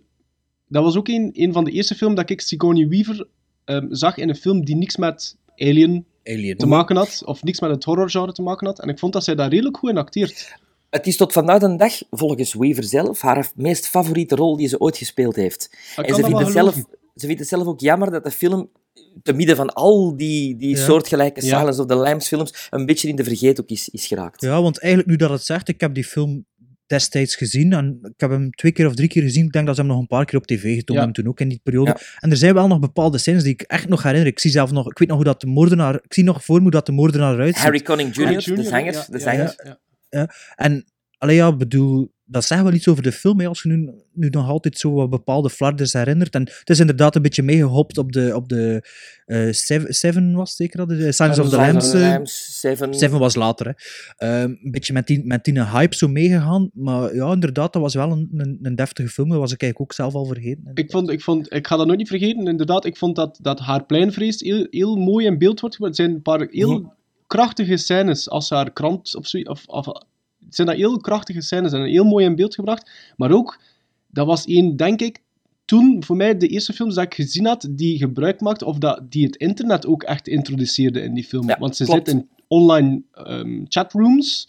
Ja. Samen met die film met Sandra Bullock, hè, noem die weer. En de net. Uh, Network? De net. Nee, De net. De net. Ja, ja, ja. Maar ik vond, ik vond dat... Um, Ja, dat is mij ook altijd bijgebleven. Zo het feit dat En ze die inbel, de, de modem, de inbelverbinding en, en dat ze naar een online chatroom zit en zelfhulpgroepen online ook. En eh, ja, ik vond dat ja, dat, ja, dat ja. heel goed werd eh, aangekaart. Ja, en qua schrikmomenten zitten er ook een paar momenten in die echt zo... Oh, oh, dat je De echt... wc, hè, de- Ja, ja. herinner ik me nog een scène die wel ja, fel... ja, ja, ja, ja, ja, ja, naar speech, naar... eh, ja, ja, ja, ja, ja. echt, Trouwens, de, regisseur is John Amiel, of John Amiel, hoe dat je dat moet ook zeggen. Ja. Hij heeft, heeft ook nog daarvoor Summersby gemaakt. Met daarna, eh, Richard Gere is dat, hè? met Richard Gere, daarna The Core gemaakt. Ehm, en heeft zich dan gaan toespitsen op televisiereeksen. Stond aan het begin in de basis van de Borgias en de Tudors. Oké. En momenteel loopt er, eh, ik weet niet op welke zender in Amerika, maar is er een reeks Outsiders met David Morse in de hoofdrol, waar hij ook eh, aan het roer mee staat. En ik heb daar gisteren toevallig een trailer van gezien. Dat is goed. Dat ziet er echt goed uit. Dat is Mad Max eh, in, in the mountains van Amerika. Oké. Dus over, een, over een, een soort Night Riders, George A. Romero's-achtige eh, groepering, die zich volledig losscheurt van de samenleving en die eh, eh, bikersgewijs in de bossen woont en daar wordt verdreven door de lokale sheriff. Allee, je weet ons ook te overtuigen. Nee, je, Mad Max voor Bart en Night Riders voor mij. Dat is goed. Dat is goed. Zo beter Jacques Kosten verkopen op de markt. Voilà, dat was het eigenlijk eh, voor deze aflevering. Ehm, de April Fools. up, maar we zijn er nog niet vanaf, hè. Bart, Eh, oké. eh, ja. Je weet Bart, ik het wil hebben. Ja, wel, ik, ik, ging, ik, ik ging juist zeggen, beste luisteraar, Wel, beste nee, is de, de luisteraars die niet meer willen luisteren, die kunnen stoppen. We gaan niet meer, we gaan niet meer veel vertellen, maar ik wil het toch nog even over uw vriend willen hebben. Ja, wat volgt, wat volgt is een ellenlange monoloog, denk ik nu. Nee, nee, nee, nee, nee geen monoloog. Ehm, we zijn dus, eh, als we dit opnemen, donderdag 24 maart. Gisteren is eh, Batman v Superman Dawn of Justice in première gegaan. En ja, ik ben zo'n sukker, ik laat me eraan vangen. Hè. Ik ga dan de eerste dag, de eerste namiddag, als ik vrij ben, zit ik dan in de zaal, ik een onnozelaar. Wat Dat was het. Bart? Kwart voor twee? Kwart voor twee was de eerste voorstelling. Maar de- die daarna was 3D, dus die wil ik zeker niet meemaken. Dus eh, ik zat in de zaal met een man of 20 zeker, 25. Oké, toch? Oei. Woensdagnamiddag, hè? Ik, ik Sven? vind Ehm, toch... maar Toch? Woensdagnamiddag, een Batman-Superman film. Dat moet normaal vol zitten, hè? Ja, ik weet niet, kwart voor twee. Maar ja, pas op, Eh, ik ga ik- niet ik- zo ik- vaak ik- niet ik meer zit- naar de bioscoop. Maar hè, ik zei nou, toen, dat, toen dat de Jurassic Park in première ging, stond ik er ook de eerste dag uit. De zaal zat boomvol. Eh, ja. Jurassic Park of Jurassic World? Spreekt er Nee, nu nee, voor... Jurassic Park, nee, nee. Ja, maar ja, dat is een andere tijdsgeest. Ja, zwart, doet er niet toe. Maar ja, dus eh, ik ben gaan zien, hè. En? Zijn er nog altijd team... Zack Snyder-fan? Team, team Snyder? Dat is interessant voor de dynamiek dat ik Zack Snyder van ben. Pas Ja, op, ik ja, vind eh, ja. Dawn of the Dead vind ik oké. en eh, ik vind dingen ook oké. Eh, Watchmen, zeker Mm. de eerste helft, vind ik Ja. zeker oké. Ehm, maar ja, wat is dat hier, hè? Ai, is het waar? Ik, oké, Lege wacht. doos, hè. Ah, wel, eh, vooraleer dat, dat, dat je zegt wat dat je ervan vond, ik heb eh, op het moment dat, je, dat, dat ik wist dat je aan het kijken waart, heb ik, ehm, ben ik reviews beginnen lezen. En wat dat ik merk, is dat er heel weinig echt positieve reviews zijn. Mhm. Dus Bart, wat, dus, dus, en, en, en, maar ik, je gaat het er uitvoerig over hebben, maar naar het schijnt is het een bijzonder saai eerste uur. Eh, de film duurt 32, hè, geen uur, Ja. maar...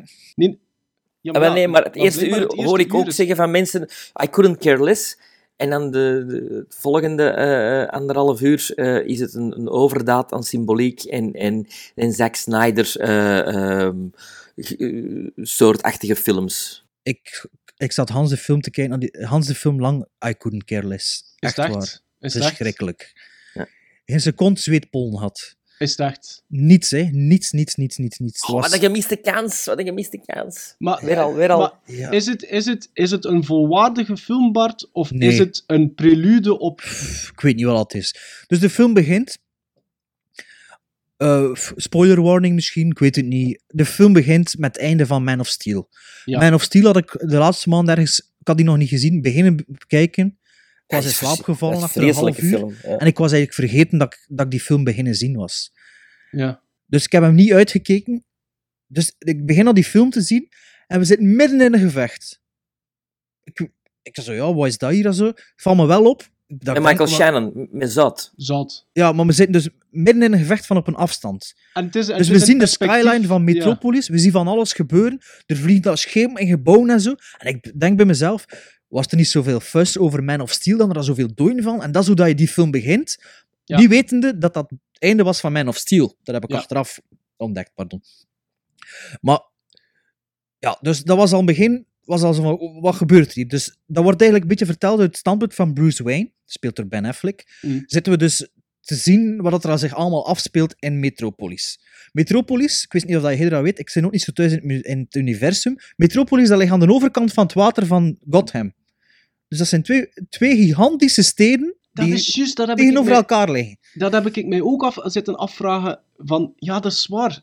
Ja, Metropolis is een beetje altijd New York geweest en Gotham, Gotham Chicago. hè? Ah, ja, Nee, ja, Chicago. Chicago, Chicago. juist, ja. Ja, Maar, ja, blijkbaar liggen die vlak bij elkaar. Is dat altijd al zo? Ik weet het niet. Laat het me gerust zich- weten, via vind Twitter of zo. Dat vind ik een leuk gegeven al. Dat, ja, dat is een beetje raar, maar... Ik vind dat een beetje geforceerd, maar kom. Eh, voilà, geforceerd is het woord. Waardoor eigenlijk, dat, met dat begin, dacht ik van, oké, we zitten in actie. Dus ik versta niet wat er aan het gebeuren is, maar bon, we zitten niet met een origin story die eerst moet op gang getrokken worden. Daar zijn we al vanaf. Dus Mm. oké, we zijn vertrokken. Dacht ik van, ja, wat gebeurt er? Ik weet het niet.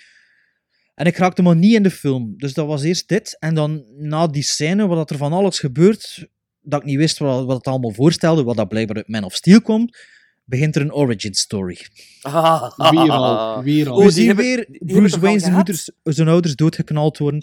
We zien Ik weer snap, ik een snap put, dat niet, een put met, met, met de bats, allee, met vleermuizen. En ik, dacht, ik zat te zien van, kom aan, meen je dat nu? Hadden we nu nog een keer tonen? Ja, bon, Maar dat is, gelukkig- precies, dat is precies dat iedere regisseur dat op zijn manier de noodzaak voelt van dat allemaal allee, altijd opnieuw te doen. Ja, dat is toch, de meest, dat is origi- toch meest originele manier was die van Tim Burton, vond ik. Dat, ja, Dat die valt in die Batman wel. Begins vond ik ook, eh, allee, vond ik ook wel een goede. Maar bon, het, werd, het was eerder foto, eh, een, een eh, montagesequentie, dus het was niet uitgesponnen. Niet uitgesponnen. Dus ik dacht, oké, oef, we zijn daar vanaf. Ja. Even situeren en zo, van waar dat ze komen. Maar ja, dan, dan begint de film. En het gaat dus niet alleen over Batman en Superman, maar het gaat ook over al hun bijpersonages en al hun sidekicks. Wonder Maar dat, dat wist je. Dat wist Nee, dat- Wonder Woman zat er nog niet in. Naarmate, Oeh, dat, oeh. naarma- naarmate dat de release verder komt, wist je dat, want dan kwam plots Aquaman, hoor ik dat plots? Nee, of, ik weet niet wie dat, dat is. Misschien zit er... Maar ik bedoel eerder eigenlijk... Robin. eh, ja, dinges. Eh, nee, niet Robin. Eh, Michael Caine in de andere films die nu speelt. Alfred. Ja, Alfred zit erin. Jeremy Louis, Irons, Louis ja. Lane, ja, Jeremy Irons. Louis Lane zit erin. Die Ja, Amy ambetante, Adams, ja. die ambetante dinges... ehm, Lex Luthor. Nee, Lex Luthor zit er ook in. De dinges, maar dat is de villain van de film, dus ça va. Maar de, de, de, de redacteur, Lawrence- de redacteur Lawrence Fishburne. Lawrence Fishburne, verschrikkelijk, maar verschrikkelijk. Ja? Geen één, Maar toch- toch- allemaal grappen, maar geen één goede grap. Een super irritant personage. Ik vind als je voor Superman versus Batman had, oh, dat compacter, altijd niet alles. Want eigenlijk zou de film voor mijn part, allee, Superman versus Batman, Dawn of, the- Dawn of Justice was beter geweest, want het is een vervolg op Man of Steel.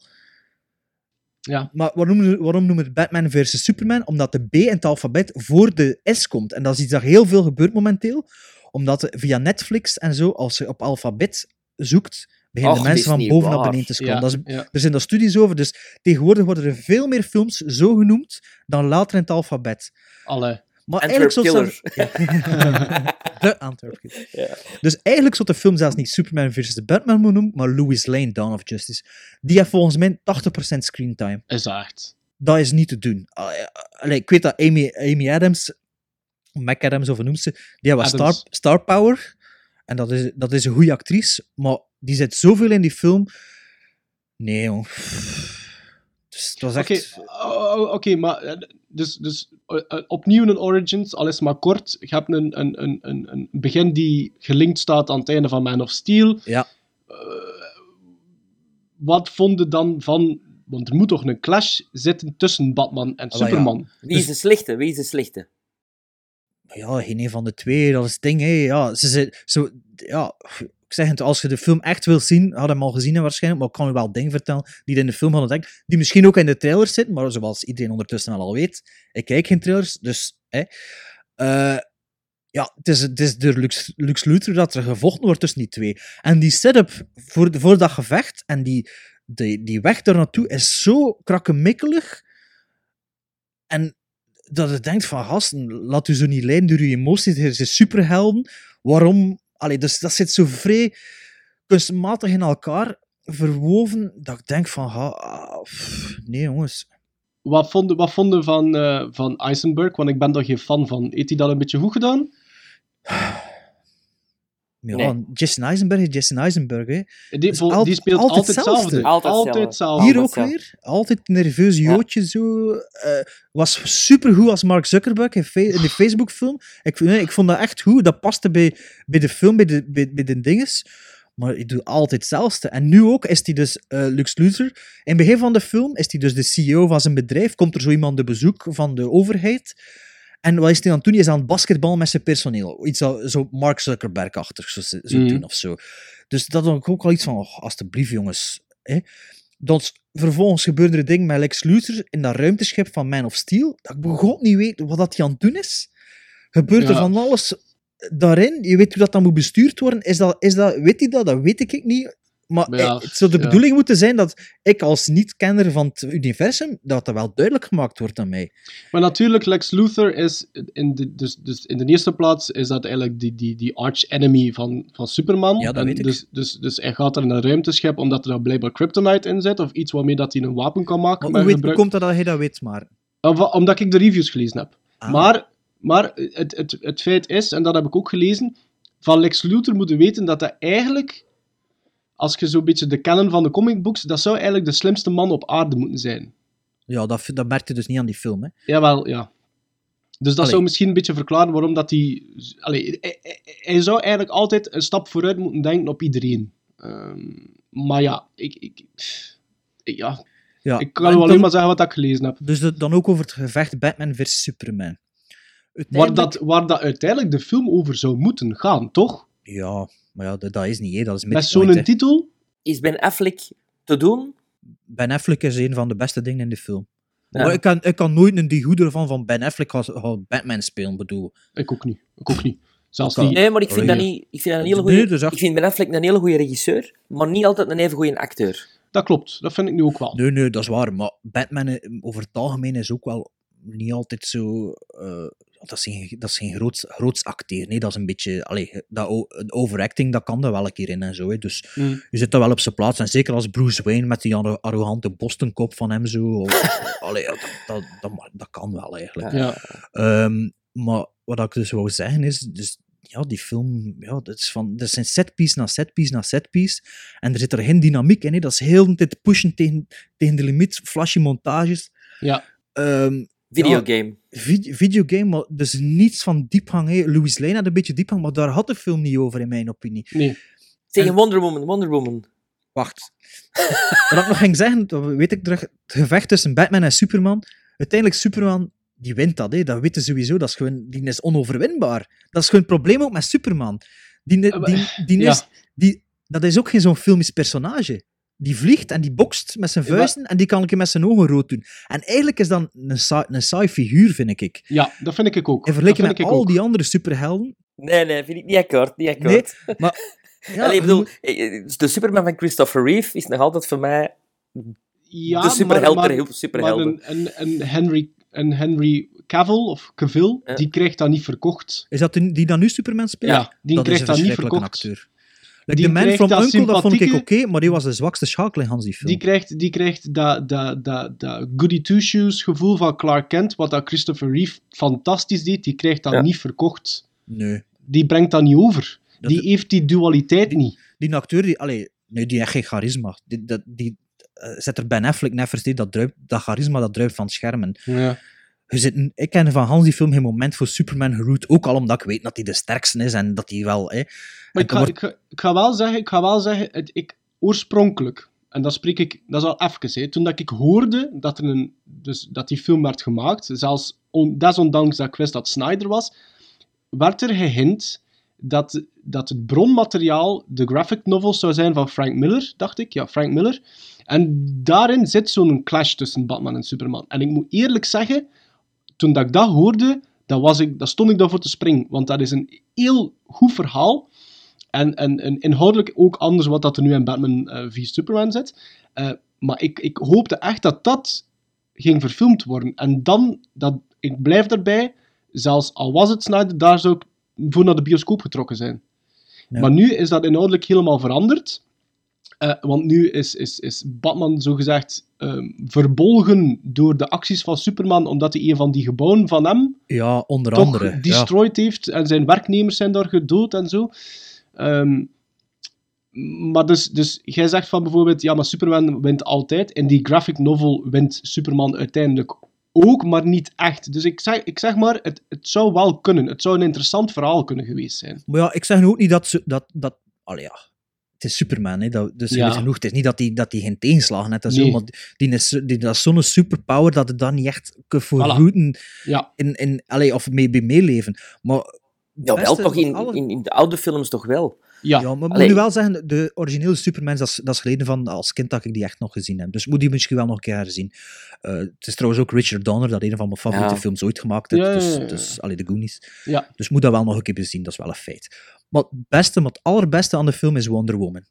Serieus? dat heb Ja, ik dus Daar ook was ik echt enorm door verrast. Dat was geen bullshit van origin story, een fotootje links, een fotootje rechts, een beetje like de begin van Watchmen zo. Een beetje die Ja. vibe zat er zo in. Alleen niet, niet zo uitgebreid met zo. Maar, dus die kwam erin en ik... ehm, eh, ja, ik, ik wist dat ze erin zat door niet, niet door trailers te zien, maar ja, door links en rechts dingen op te vangen. Mm. Maar ja, ik weet niet wie dat Wonder Woman is. Ik ben er niet in thuis, maar ja, dat was, dat was echt een goed personage. Dat was... Die Maar steelde de show in blijkbaar- die film. Maar blijkbaar, en ik weet, ik weet niet wat, hoe dat jij daarover denkt, Bart, maar blijkbaar wel underplayed. Omdat ze blijkbaar zo, inderdaad, dat een van de, de, de meest positieve aspecten is uit die film, vindt menig man dat jammer dat ze er niet meer in zat wel. Maar ze krijgt daar een eigen film, hè? Ja, dus dat is een setup, hè. Maar dat is zo jammer, hè, die setup films. Ah, dat Ja. is toch zo...